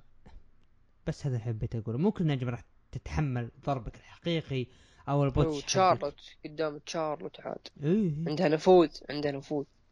يا رجال نايا جاكس ضربت العالم كله وعندهم نفوذ ولا قالوا ولا شيء. اي ابرز واحدة كانت كايري الله المستعان طبعا قبل المباراة شفنا كلام بين ريدل وراندي. طبعا راندي كان يقول إذا أنت تبغى تكون صديق كويس خليك جنبي أنا. طبعا ريدل قال لنا دائما الأشياء الصعبة تكون في البداية لكن أتجاوزها. طبعا قال كلام ما نقدر نقوله بعدين. حكم ال PG طبعا موريسون كان يتكلم عن هروب ذا ميز. وعن من مواجهته واختار إنه يكون خصمه مين؟ أوماس. غريب الاختيار. إي جدا غريب جدا غريب. حتى مباراتهم آه، جون موريسون ضد أوماس انتهت بانتصار لأوماس. يا كمية البوتشات. شفت بوتشات؟ شفت شقلبة آه، موريسون؟ جون موريسون قاعد يتشقلب اوماس مضيع غريب, غريب وبوتشات ومباراة غبية مباراة غبية اختيارهم للخصمين غباء. يعني على ما كملت المباراة. كان... أنا ترى ما كملت. من قال أوماس شفت أول خمس ثواني بعدين سويت skip. والله مسكين جون موريسون. قاعد يتشقلب وذاك واقف. يا أخي دام إنه بتجيبوا لهم خصم على جنب زي ستايلز حطوه معهم يعني على الأقل ممكن الناس تتفائل جون موريسون القادم له بدل ما هو قاعد شخصية المسكين الحزين اللي مظلوم. دائما المباراة اللي بعدها ضد إكزيفير وودز اللي ما أدري سالفة امها انتصر ستايلز بالإخضاع. يعني إكزيفير وودز كان ماشي خط مع جون موريسون وذا ميز. حول على ستايلز ليش طيب؟ استفهام استفهام استفهام. هذه المباراتين بالنسبة لي استفهام كبير وأتمنى ال WWE مثل ما عادت النظر في جولدبرغ تعيد النظر في أوماس إنه فعلا رجال والله بديت اصدق كلام عبد الرحمن إنه الرجال مضيع مضيع مضيع. أجل الرجال قاعد يتضرب وأنت واقف وما تسوي شيء. والله غريبة. آه نروح لل main event آه، اللي كان على لقب فرق Raw بين بطل ال WWE Champion The All Mighty بابي لاشلي ومدير أعماله MVP ضد آه، فريق أبطال الفرق. RK-Bro مات ريدل وراندي أورتن. طبعا انتهت بانتصار ل RK-Bro وحفاظهم على اللقب. أه على ما أعتقد آه، بوبي لاشلي أعطى spear لمات ريدل. وراندي رد عليه ب RKO. سؤال. أنت قلت إنه آه، بوبي لاشلي و MVP ممكن تكون مباراة ب Extreme Rules على لقب الفرق بعد ال RKO. راندي أورتن. منافس لبوبي لاشلي ولا لا؟ ما أعتقد. الفترة القادمة. إذا صارت بتكون مفاجأة. لأنه لي- لقمه RKO قوية. أم هي هي مباراة فرق. أعطيك إياها. إذا كانت راندي ضد بوبي لاشلي مم، ممكن. بتكون صدمة لي لكن أنا أقرب معنا مباراة فرق. شوف أنا اللي أعتقد إنه بما إنه رجع ال Viking Raiders أعتقد RK RK-Bro راح ينافسون على لقب الفرق. بالإضافة إنه راندي اورتون راح ينافس في نفس الوقت بوبي لاشلي وممكن يختفون الحب... الحبايب شوي. مع إنه راح يرجع الحبايب اوماس وستايلز الواجهة لكن ما أتمنى. طيب نروح لمشاهدات العرض. طبعا شاهد العرض مليون وتسعمية ألف مشاهد بانخفاض عن الأسبوع الماضي. آه، أنا أقول ال- الساعة الأولى من عرض Raw تكفي عطنا تقييمك للعرض أبو داحم. أعطيها خمسة من عشرة. خمسة من عشرة أنا أتفق معك خمسة من عشرة العرض من جيد إلى جيد جدا وممكن با- مقبول بعد. نروح لتقييم حبايبنا في هاشتاج ركن الحلبة الثمانين. طبعا أعطوه من تسعة إلى عشرة ثمانية في المية من خمسة إلى ثمانية ستين في المية. أقل من خمسة أعطوه اثنين وثلاثين بالمية. عطنا العرض NXT قبل ما يتغير الهوية.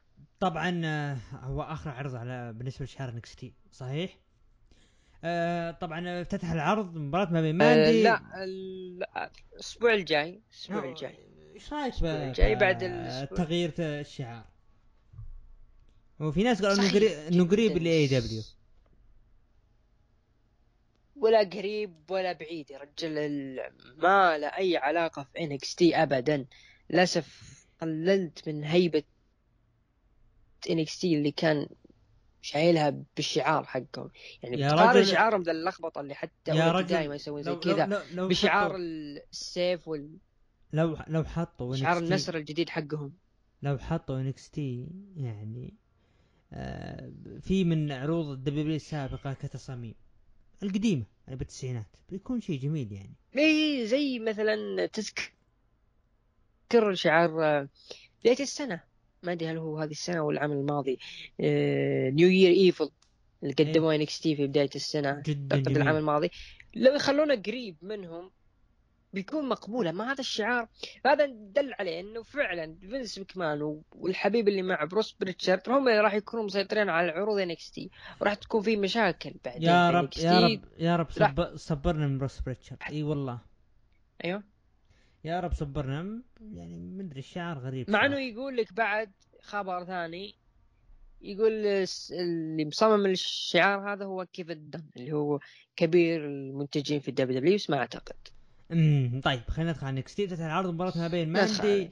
روز ضد ساراي فازت فيها ساراي بالعد الخارجي. ظهر توماسو تشامبا وتحدث ان ريج هالاند. كان واضح فيما يريد لكن هالمرة ليست ليس معي. تيموثي ثاتشر ولا راح أكون بكاي أو باكيا. ريج هالاند وبيت دن يسعون الفوضى في NXT ولكن أنا NXT وأصارع من أجل ال brand والعائلة وأريهم را- راح أوريهم من هو توماسو تشامبا الغاضب رأيك بقى اللي صار؟ أو برومو اللي قدمه توماسو تشامبا صراحة جميل جدا. ما بالإفتتاح نبدأ بالإفتتاح. طبعا نذكر الجميع بأن مادي روز جت ل NXT علشان تتطور. هل تطورت؟ نوب. طيب آه بالنسبة لتوماسو تشامبا جميل جدا جميل جدا جميل جدا اللي قدمه توماسو تشامبا. و... وهذا يرجعنا ويذكرنا بتوماسو تشامبا اللي كان عام 2018 وعام 2019 صح إنه ما هو قريب منه لكن على الأقل نشوف لمحات من هذاك ال- توماسو لأن افتقدناه كثير كثير من بعد خسارته مع مو ضد والتر على لقب ال United Kingdom لا من بعد خسارته من كاريون كروس. تحس إنه اختفى كثير توماسو تشامبا عن الواجهة ما عاد صار يظهر كثير ما عاد صار يقدم برومات كثير. فجميل جدا مع ريج هولاند اللي أنا متحمس له صراحة. أه تحس فعلا أشعل وفتيل توماسو تشامبا انه راح يقدم شيء ل NXT وأحس إنه ممكن يكون هو أول مصارع يعتزل في NXT لأنه ما هو عاجبه آه، العروض الرئيسية. فجميل جدا توماسو تشامبا جدا متحمس للي ممكن يقدمونه هل شوف تدخل بيدان واعتبره آه توماسو تشامبا هو السلم لبيدان اللي آه سموه جعل لقب انكس صراحة إذا كان هذا تفكيرهم وإذا توماسو تشامبا استمر بهذا الأسلوب حلو بين الاثنين وأعتبر بيدان استغل هذا السلم. سلم توماسو تشامبا سلم ثقيل جدا جدا جدا عكس المسكين اللي ضاع مع الإندكس. آه أتفق معك. مباراة ضد صارت ما بين ديوك هودسون ضد كايل أورالي فاز فيها كايل أورالي. تعليق ولا أروح اللي بعده؟ ما تلاحظ إنه NXT ناويين يرجعون أسلوب ال technical للواجهة؟ آه عن طريق آه كايل أورالي؟ أحس إنه كذا.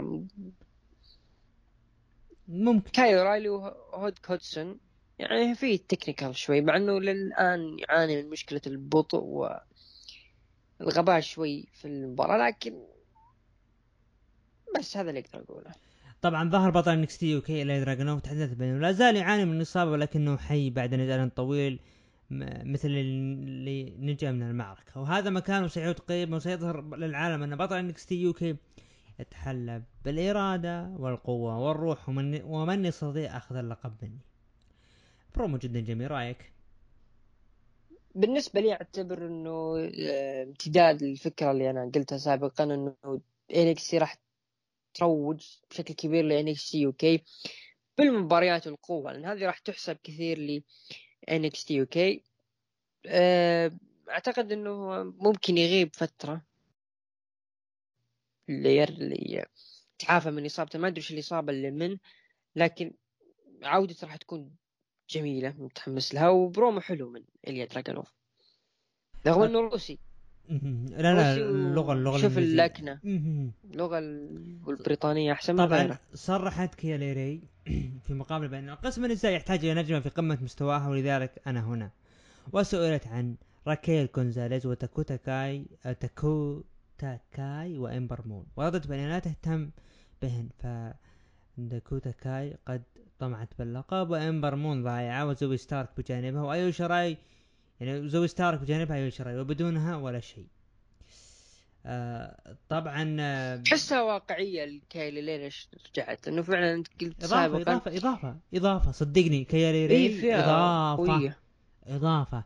طبعا سؤال بطل بريك أوت كان عن القادم. ضخمة اللي يعني اكستي فئه النسائي طبعا سؤال بريك أوت آه عن بطل بريك أوت آه كارميلو.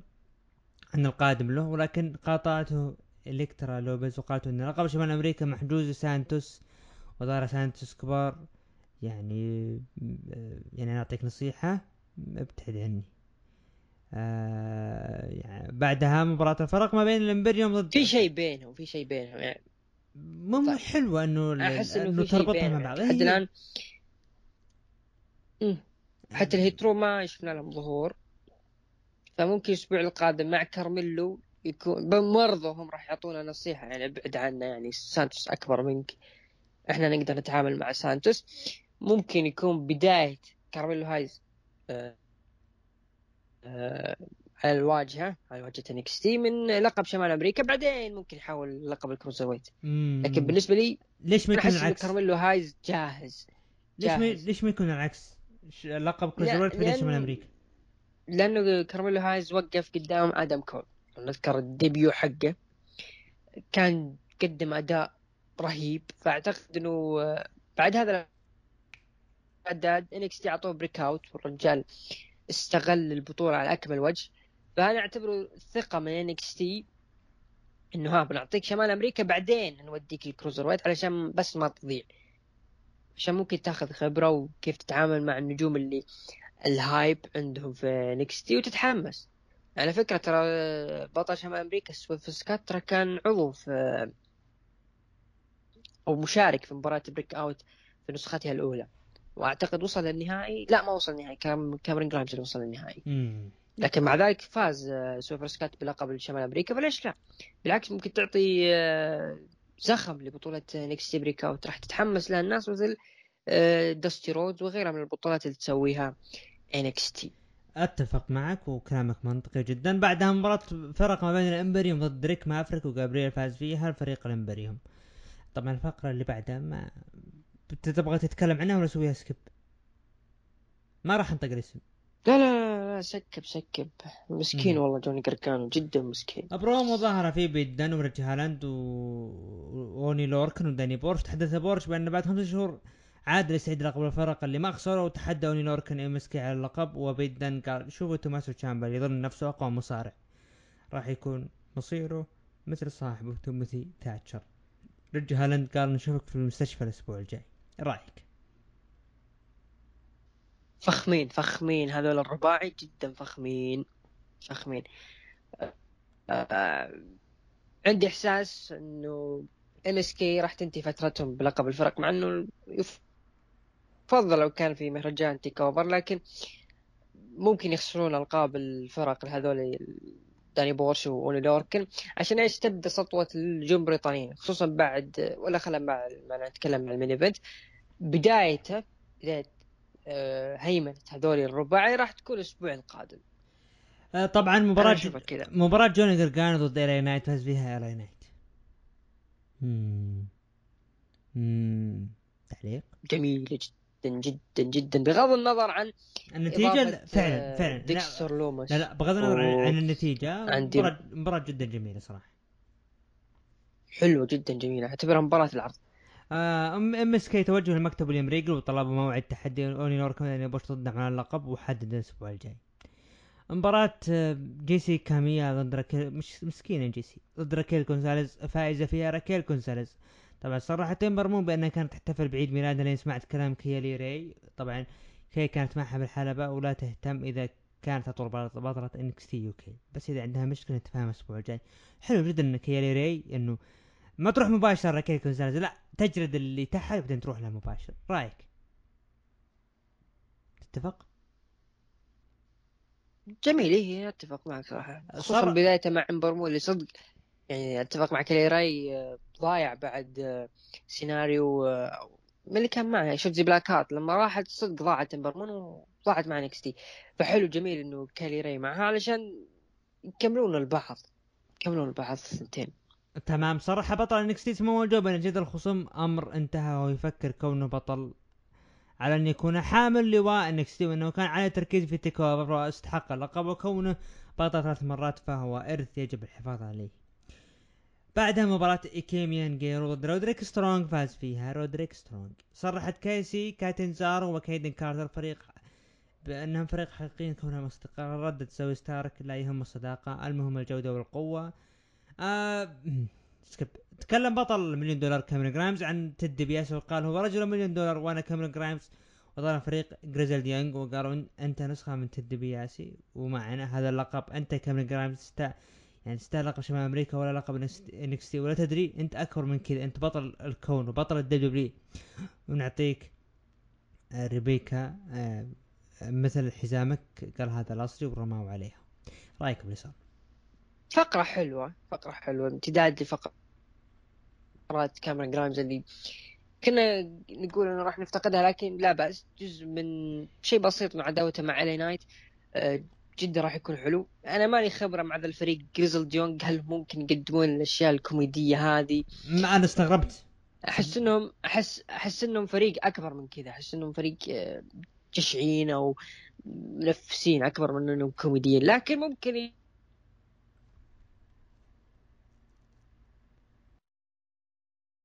يجارون آه، إنه فتح حوله في لقب المليون دولار وممكن ينتهي هذا اللقب. أنا أحس إنه ممكن ينتهي.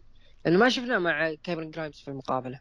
آه، طيب آه، أحس إنه أحس إنه راح تكون في مباراة فرق وفي خصم مجهول مع كاميرون جرايمز. الله أعلم مين بيكون. ممكن يرجع تيد ديبياسي الحلبات لكن عموما مباراة ما بين ريدج هالاند وتوماسو تشامبا فاز فيها توماسو تشامبا بعد المباراة جاء هجوم من البريطانيين وتدخلوا فريق MSK وانقذ الموقف وانتهى العرض طبعا العرض مشاهدات العرض كانت 717 ألف مشاهد ارتفاع عن الأسبوع الماضي كان تقريبا 600 أو 500 ألف رأيك بال main event. عجبني عجبني جدا فوز توماسو تشامبا عشان إيش تحافظ على الرجال لأنه لو خسر أحس إنه بيضيع. okay بتستكمل ريدج هولاند لكن ريدج هولاند تركيز عليه ثانوي بالنسبة لي تركيز بشكل كلي في هذه العداوة مع مين؟ مع بيت دن. عشان كذا أنا قلت هزيمة توماسو تشامبا وغضب بيت دن عليه وفي حال فازوا الأوني لوركن وداني بورش على MSK وحصلوا على ألقاب فرق اللي على كلامهم لحد الآن ما خسروه. أنا هنا أقول راح تبدأ سطوة هذول البريطانيين ويبدأ هجومهم على NXT. بيكون NXT بتحاول ل NXT okay لكن فرع أمريكا. هذه راح تحسب كثير لإدارة NXT الحالية قبل ما يمسكها الحبايب فينس مكمان وبروس بريتشارد. عشان إيش؟ يرجعون الثقة ل NXT أوكي. دائما أعيد وأزيد. آه، ظهور اليا دراجونوف وعوده آه، لقب ال UK في NXT. كاي لي راي والرباعي هذول. هذول كلهم جايين من وين؟ من NXT UK غير آه، توني ستورم اللي لحد الآن غايبة. راح تعطي زخم كبير ل NXT UK ممكن تكون في حرب بينهم. يعني في أثناء البناء ال Survivor Series ممكن نشوف NXT ضد NXT UK ونجوم NXT من هو؟ NXT بريطانيين. ف... بيكون حرب بين البريطانيين رغم إنه NXT الأمريكي نقدر نقول الأصلي ضد NXT البريطاني الأصلي. احس إنه راح تكون مباراة جدا جميلة. وحتى. عرضهم هذاك. ممكن ليش لا؟ والله فكره أو عرضهم هذا فكرة... أو عرضهم هذاك اللي يكون بين NXT UK و NXT شو اسمه؟ نسيت اسمه. أم... استغفر الله. والله نسيت دقيقة دقيقة خليني أجيب لك الاسم. عطنا تقييمك على ما أجيب الاسم. اممم عرض NXT هذا الأسبوع أعطيه ستة ونص. من عشرة. من عشرة. ابرز الأشياء اللي صارت. آه مباراة LA Knight ضد جوني قرقانو مباراة حلوة جميلة. آه انتصار توماسو تشامبا ضد ريج هولاند وبداية السيطرة البريطانية راح تكون من هذا المنبر. آه ما أدري ليش أعطيت كيسي كاتنزارو وكيدن كارتر skip. صدقني هذول الأسبوع القادم راح يقدمون لك مباراة حلوة أو حتى إذا كانوا لعبوا على لقب NXT ما أدري هل هو الأسبوع الجاي واللي بعده راح بيعجبونك هذول الرباعي؟ صدقني. آه طبعا اسم العرض ال Worlds Collide اللي أنت تقصده. إيه. إيه. آه فكرتك عن موضوع NXT versus ضد أو عفوا ضد NXT UK جدا جميلة تقييم المتابعين لهذا العرض قيموه من 9 ل 10 ب 15% ومن 5 ل 8 قيموه ب 42% وأقل من 5 قيموه برضو ب 42% بالنسبة لي أنا اعطيه خمسة ونص من عشرة. عطنا عرض AEW آه، يا ابو عوف. طيب نروح العرض All Elite Wrestling اللي يقيم في شيكاغو للمرة الثانية على التوالي. طبعا آه افتتح العرض بمباراة فرق بين فريق FTR اللي هم ال Revival ضد سانتانا وأورتيز. انتهت بانتصار لسانتانا واورتيز مباراة حلوة. أنا بالنسبة لي افتتاح هذا الأسبوع من AEW أفضل من الأسبوع الماضي مات هاردي واورنج كاسيدي حلوة المباراة اللي قدموها. أرجع وأكرر افتتاحيات يعني من هنا تحمست AEW بيقدمون شوف AEW مهما كانت افتتاحيات المباريات بسوءها تبقى شيء جديد إنه أنت تتعرض بمباراه مو مو برومو. لكن الفيديو اللي صار ما بين FTR ضد سنتانا أورتيز جدا جميل. بالشيء اللي صار الأشهر الماضية. إيه،. ومباراة جدا جميلة. جدا جدا جميلة. طبعا شفنا فريق آه 2.0 مع دانيال جارسيا وتكلموا عن مباراة آه، سامي آه، سامي زين آه، CM Punk ضد داربي آلن وإنهم متحمسين عشان راح يخربون المباراة. وتوعد جارسيا داربي آلن في مباراتهم بعرض Rampage طبعا ظهر ابن شيكاغو الأول CM Punk وتحدث عن مباراته ضد داربي آلن وتفهم الجميع أنه خائف لأن له سبع سنوات ما صارع لكن وعد الجمهور عندما يربط حذاء سيكون في قمة استعداده يوم الأحد. فجأة هجوم من 2.0 آه غارسيا. بعدها تدخل ستينج وداربي آلن. بعدها شفنا اللحظة المنتظرة جميلة بالنسبة لي. هذه لحظة العرض. لقطة العرض. Go To Sleep من CM Punk طبعا سبقها آه حركة آه داربي أعتقد شو اسمها؟ نسيت اسمها والله. أو Death Drop من ستينج لكن هذه العجبة GTS من CM Punk بعدها مسك المايك ستينج قال من الرائع رؤية ذلك يقصد ال GTS وأنه مثل الجمهور متحمسين ليوم الأحد. sold out داربي الن مستعد. أنت يا CM Punk مستعد والجميع مستعدين لهذه المباراة. عطنا رأيك. كيف شفت ال GTS 2.0 آه، أنا أستغرب إنهم آه، راح دخلوا العداوه وعلى أي أساس. إلين ما قلت أوه صح مع داني مع دانيال جارسيا هم ثلاثة. فجاء بالي إنه سي إم بانك ضد دربي ألن وهذا متوقع. يا مباراتها تنتهي بالتعادل بسبب هجومهم عليهم تنتهي بالعد الخارجي ويهجمون هذولا وتصير مباراة ثلاثية بالعرض الشهري اللي بعده مع وجود ستينج أو بعد المباراة يفوز CM Punk وتدخل اللي هو العصابة. ممكن تحول بنك إلى heel. فهذه حاجتين ما راح يا بنك بيصير tag team مع داربي آلن الأسابيع المقبلة ما بعد عرض All Out راح نذكر الكارت يعني بعد العرض AEW يا إنه بيصير مع ستينج وديربي الن ويصير يعني مثل ما يقول لك آه، تنتهي بالعد الخارجي بلا فائز وتدخلون الفريق أو يفوز بنك وتدخلوا الفريق على بنك. ممكن يا إنه تصير مباراة فرق. أنا ما أدري إيش فيها مباراة الفرق لكن 2.0 ضد مع داني جارسيا ضد ستينج ودربي الن و CM Punk أو يصيرون مع CM Punk ويصير heel بانك. فهذا أتوقع أتوقعين ما راح يطلع شيء بينهم. مستحيل بيكون في شيء ثالث. هو شوف أنا أحس إنه Two Point O داني جارسيا جزء كذا داخلين بالواجهة بس علشان بس تنويع العداوه بس صعبة جدا مباراة. لها بناء خاص والناس متحمسين يكون أول ظهور CM آه معليش معليش أبو عوف أبو عوف معليش آه انها تنتهي ما في ما هي ما هي مباراة آه بناء. شلون بنى طلع بنك عاد قال أبي دربي ألن. هذه تسميها بناء لا. فممكن أحس إن المباراة راح يصير فيها هي شيء. على الورق. هي هي شوف هي على الورق شوف. بناء. شوف شوف. لأنه الناس متحمسين لبنك. أيوه.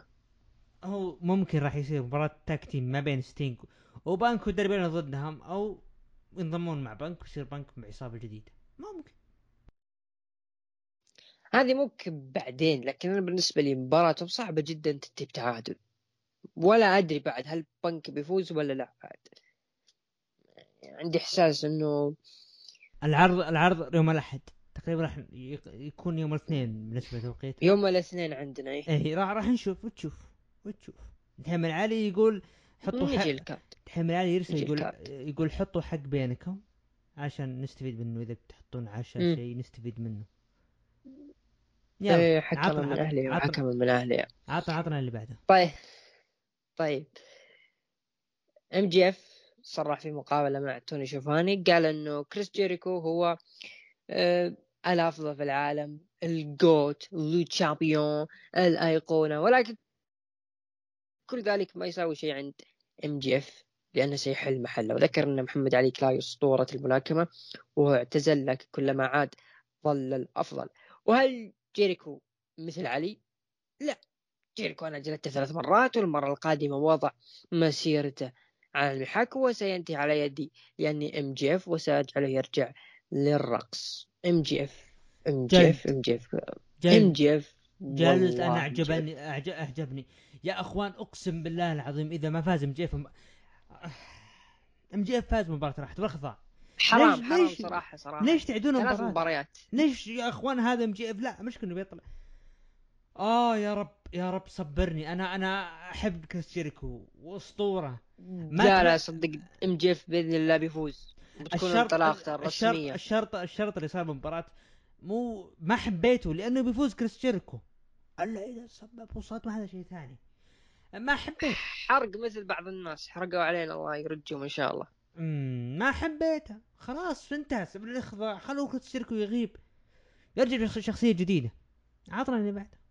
MJF تدري إيش اللي يغبن؟ MJF الجديد رائع. أنت تبغى ال next level MJF. تحس إنه جاهز ل main eventer بس ليش يعني AEW ما يبغونه؟ رغم إنه آخر مباراة اللي تكلمت عنها اللي فاز فيها MJF بالاخضاع عنوان المباراة هذا final chapter خلاص final chapter قفل على ال chapter ليش ترجع له؟ وليش تحلب فيه؟ يا AEW تخيل مصيبة. MJF يوقع مع WWE والله لو صارت MJF و The Miz والله يا من الطحن اللي بيصير. طيب ما أدري هل MJF ينفع لي WWE لو وقع معهم؟ character ه. آه، بالبرومو بيبدأ أحسه character إي بالعكس دبليو. بالعكس بالعكس character NXT هو. إي صح character NXT ما ينفع له. عطنا اللي. بعده. آه اللي بعده شفنا مباراة أورنج كاسدي ضد جاك إيفنز. طبعا قام مباراة هاجم مات هاردي أورنج كاسدي وانطرد. انتهت المباراة بانتصار لأورنج كاسدي وجاء مات هاردي. دخل مع عائلته اللي عائلة مات هاردي ثم دخلوا Jurassic Express اللي هم آه جنجل بوي وذاك المقنع. بعدها جاك The Blade وانجيليكو. فجأة انتهت الفقرة اللي هذه هو آه، لوتش لوتشاسورس ما لخبطة. تحس ما ما لها داعي. جنجل بوي عنده شيء في المين إيفنت. إيش تبيع مع ذول المضيعين أصلا؟ عطنا عطنا اللي بعده. عطنا اللي بعده. المباراة اي دبليو رام غير غباء هو اللي النهائي النهائي اللي هو صار اللي بعده من بعد شوي. اللي صار النهائي اللي صار بينهم ما بين لوتشا براذرز تستغرب إنهم تو ماخذين فرصة على الألقاب يرجعون ب... عموما عطنا اللي بعده أنا قلت لك AEW يبغون ال Lucha Brothers و Young Bucks يعني هم زي ما تقول أشهر اسمين في فئة الفرق وقالها أعتقد آه، جيم روس أو توني شيفاني the greatest team in the world ما أدري أحس إنه راح تنتهي سطوة ال Young Bucks في All Out طبعا شفنا فيديو لإيدي كينغستون يتكلم عن ميرو وعن تحدي على لقب TNT ب All Out بعدها شفنا video package لجون موكسلي وهو يتحدى آه، كوجيما. دخل جيم روس. آه، لا اللي قدموا اللي قدموا إيدي كينغستون وتكلم حديث كينغستون عن ميرو جدا جميل. برضو video package جون موكسلي م- ما ننكر إنه برضو جدا جميل يعني. عطنا كريس جيريكو. طبعا دخل كريس جيريكو وتكلم بأنه جميل الظهور في شيكاغو وأنه قبل عشرين سنة. قال آه، Chicago is Jericho ما أدري هل أول ظهور لجيريكو مع W كان في شيكاغو ولا لا؟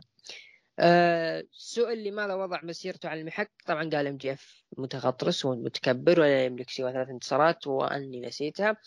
وذكر بانه هذه الحلقة رقم 100 من داينامايت.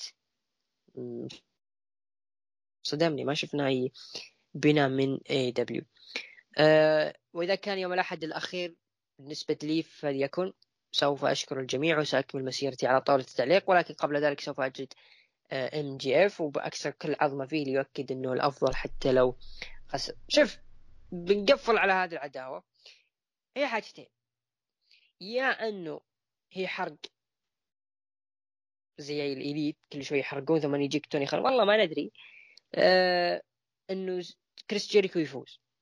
لكن في حال كريس جيريكو فعلا خسر أنا رجعت الذاكرة لي قبل عشر سنة عشر سنوات عشر حلقات من البودكاست لما تكلم الباريستا عبد الرحمن وقال إنه AEW شغالين على hall of fame أنا أحس لما كريس جيريكو وضع مسيرته على المحك في AEW إنه فعلا AEW راح يكون لهم قاعة hall of fame ممكن Double or Nothing العام القادم يكون أول اسم ل AEW كريس جيريكو. يستاهل.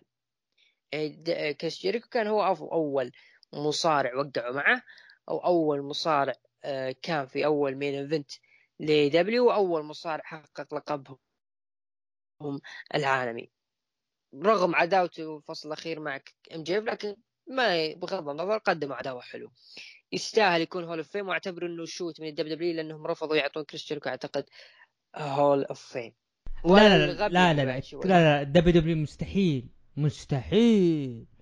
ترفض hall of fame لأنه جيريكو ما قال أنا اعتزلت.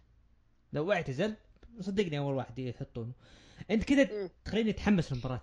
هو هو كان يقول بس آه، عاملوني كبير. آه أنت كذا تخليني أتحمس ما للمباراة. لكن شوف شوف شوف. مم. كريس جيريكو أنا أحس جيريكو باقي له سنة سنتين. تونا مطولين. سنة سنتين. جيريكو إذا تبغون فعلا.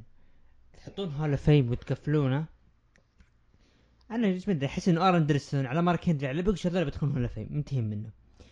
لكن جيريكو أنا أقول خلوه يحقق لقب تي ان تي وخلوه يحقق لقب الفرق وبعدها خلوه يعتزل.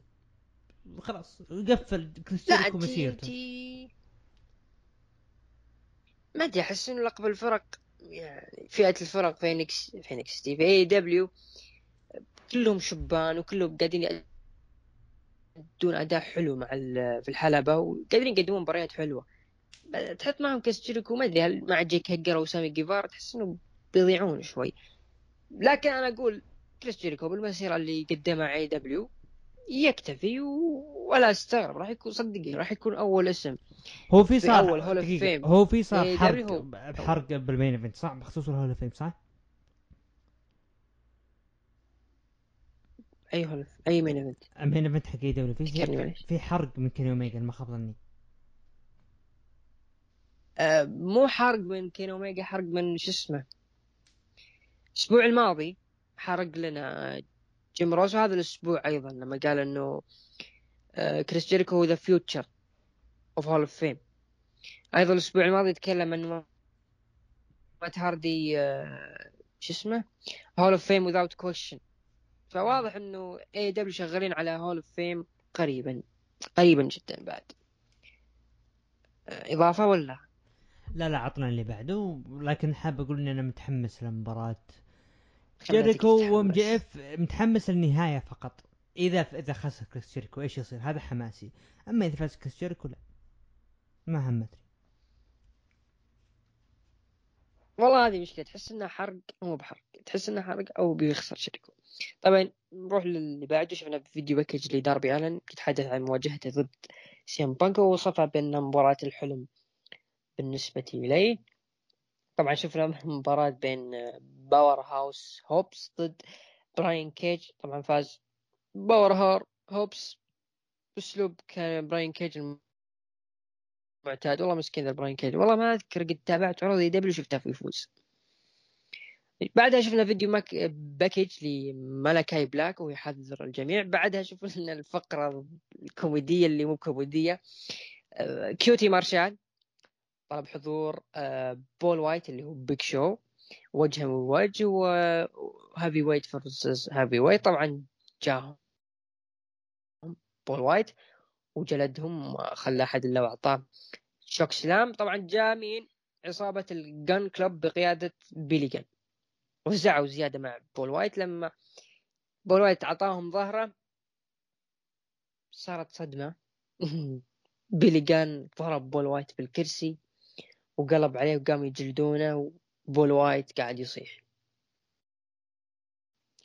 يعني بول وايت هذا هو الأسلوب الجديد اللي من أجله طلعت من دبليو دبليو علشان تروح لاي دبليو نفس راح أسلوب دبليو علشان راح اي دبليو عشان يبكي. هو راح عشان دبليو. معلش هو راح اي دبليو. علشان علشان عرض آه العرض التطوير حقهم. شو اسمه؟ اي دبليو آه دارك. لا لا الثاني اي دبليو آه إيش اسمه؟ لا. رامبيج لا لا لا في في عرض حق تطوير. هو راح علشان يكون على طاولة التعليق. وقلتها قبل. لا يا اخوان. صدقوني بول وايت م- راح يكون ما راح يكون لهم اسمع. اسمع راح يكون لهم مباراة أو مواجهة الحلم اللي ضد آه شاكيل اونيل تبي تصير شكله اي تبي تصير بتكون اخر مباراة لي ما. صارت لا ما صارت تبي تصير بعدين حول ولا قوة آه ضحكني بول وايت.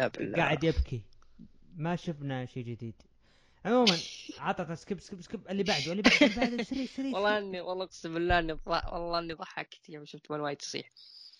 والله كنت بحارش بس على تويتر بس تعودت. please طبعا بعدها skip. آه شفنا مباراة لتاي كونتي. غريبة كونتي من البرازيل. خبر كونتي في إيطاليا. ضد باينابل فورد طبعا انتهت بانتصار لتاي كونتي. بعد المباراة تاي كونتي من نجمات البرازيل- بوني وباينابل فورد. شوف تايا كونتي من. النجمات البرازيليات اللي قدروا يتكلمون الإنجليزية يعني بأريحية. هذا الش... وهي بالحالة قادرة تقدم شيء. بس والله مباراتهم طويلة لا ولا ننسى انها كانت تي كانت تي لكن فترة قصيرة.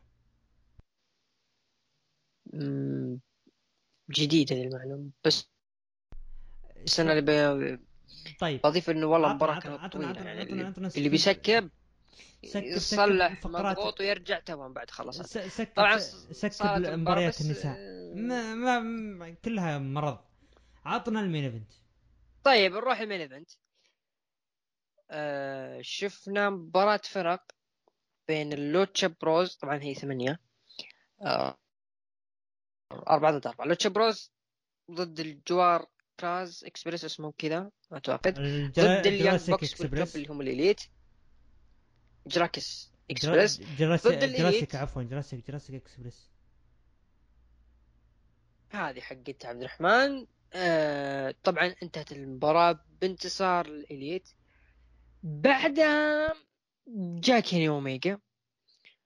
وهاجمهم. طبعا شفنا كيني أوميجا look جديد شعر أسود أول مرة أشوفه. وهاجم Lucha Bros لكن تدخل كريستيان.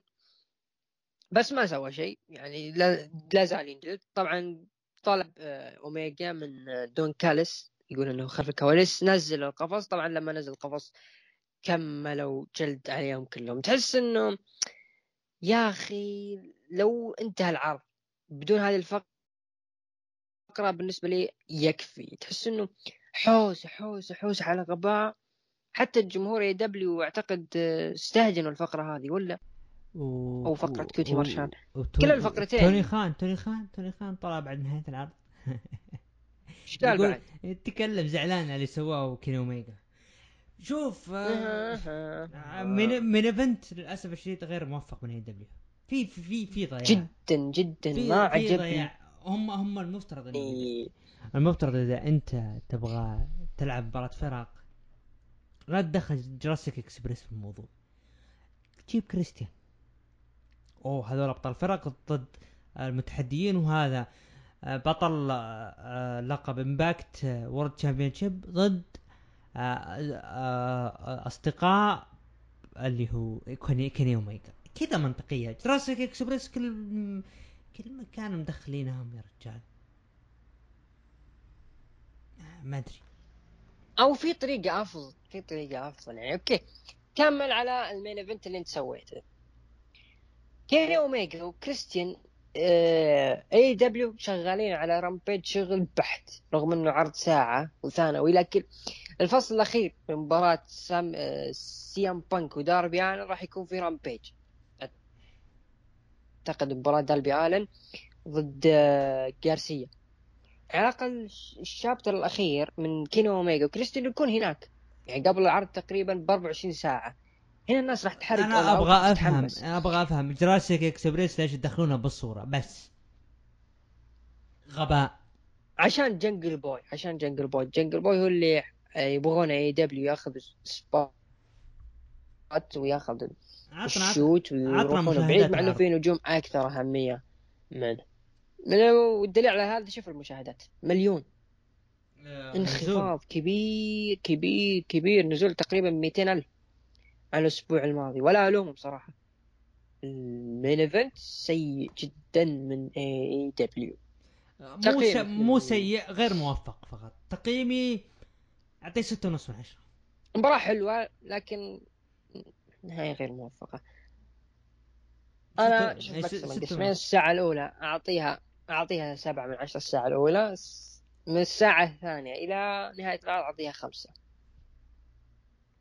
أو أقل بعد من خمسة يمكن أربعة لا تزعلون علينا حق AEW والنهاية ما كانت حلوة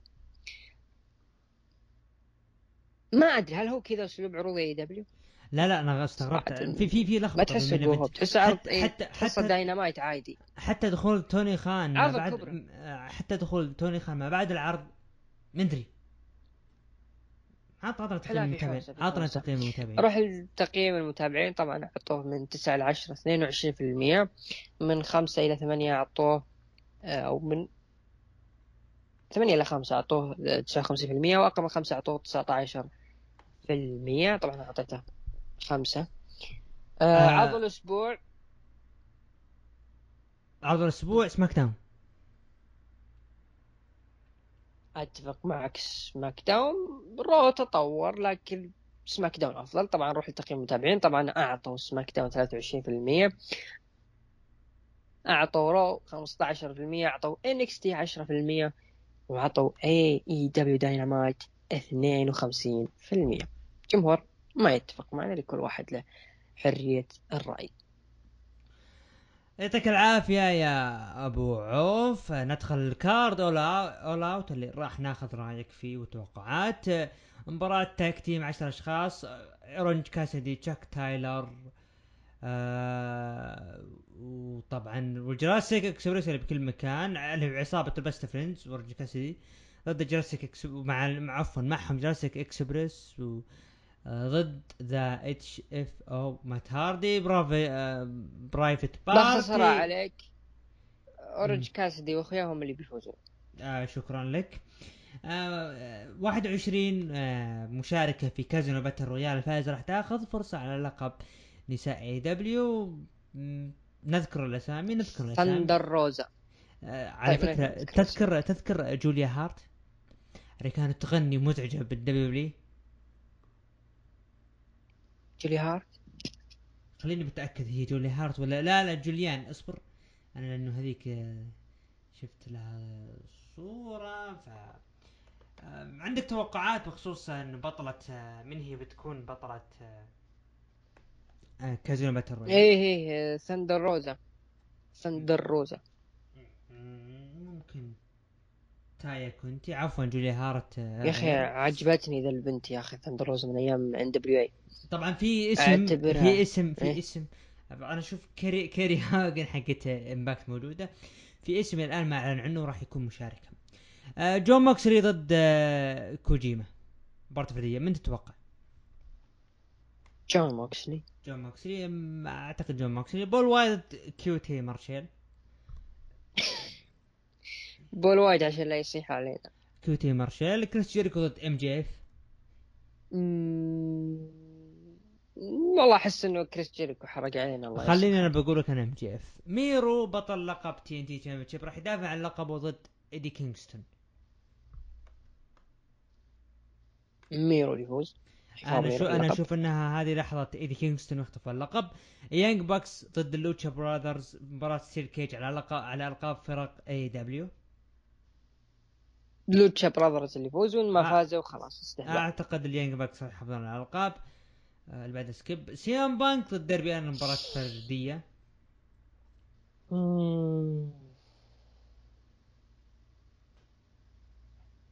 ما دام إنها في شيكاغو أعتقد بنك اللي بيفوز. مباراة سكواتش بعد. آه را... لا أنا أتوقع إنه ما راح أقول فايز لكن أتوقع تدخل آه عصابه 2.0 آه، طيب main event كيني اوميجا ضد كريستيان كيج على لقب AEW العالمي. حفاظ كيني اوميجا على اللقب. أعتقد آه، إنه ممكن يكون خليني بقول لك أندرادي كان المفروض مباراة ضد باك لكن قالوا قالوا إن أندرادي راح يكون خصم. مجهول. أعتقد إنه ممكن داني براين أو خص أو خصم جديد. يا يا داني براين ممكن أو بري وايت راح واحد منهم راح يدخل على مباراة هم اندرادي أو ال main event هم ثلاثة. بالنسبة لي الخصوم. يا داني براين يا آدم. يا آدم Velveteen. Dream اوه أوه آدم كول. Velveteen والله بتكون قوية. هذا بالنسبة للعرض راح يقام. يوم الأحد 5 سبتمبر فجر الاثنين عندنا. طبعا آه، نصل الآن إلى الختام. يعطيك ألف عافية أبو عوف. شكرا دحيم العلي. شكرا أبو عوف. كلمة ختامية. شكرا لكم. على حسن استماعكم اخواننا المستمعين. شكرا لك الباريستا. شكرا.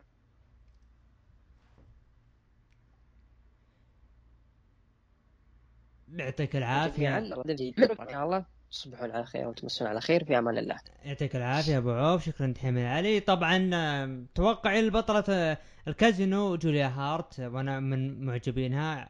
أبو عوف آه، شوف صورتها بس. آه نصل الآن إلى الختام. نراكم بإذن الأسبوع المقبل في الحلقة رقم 81 إلى اللقاء.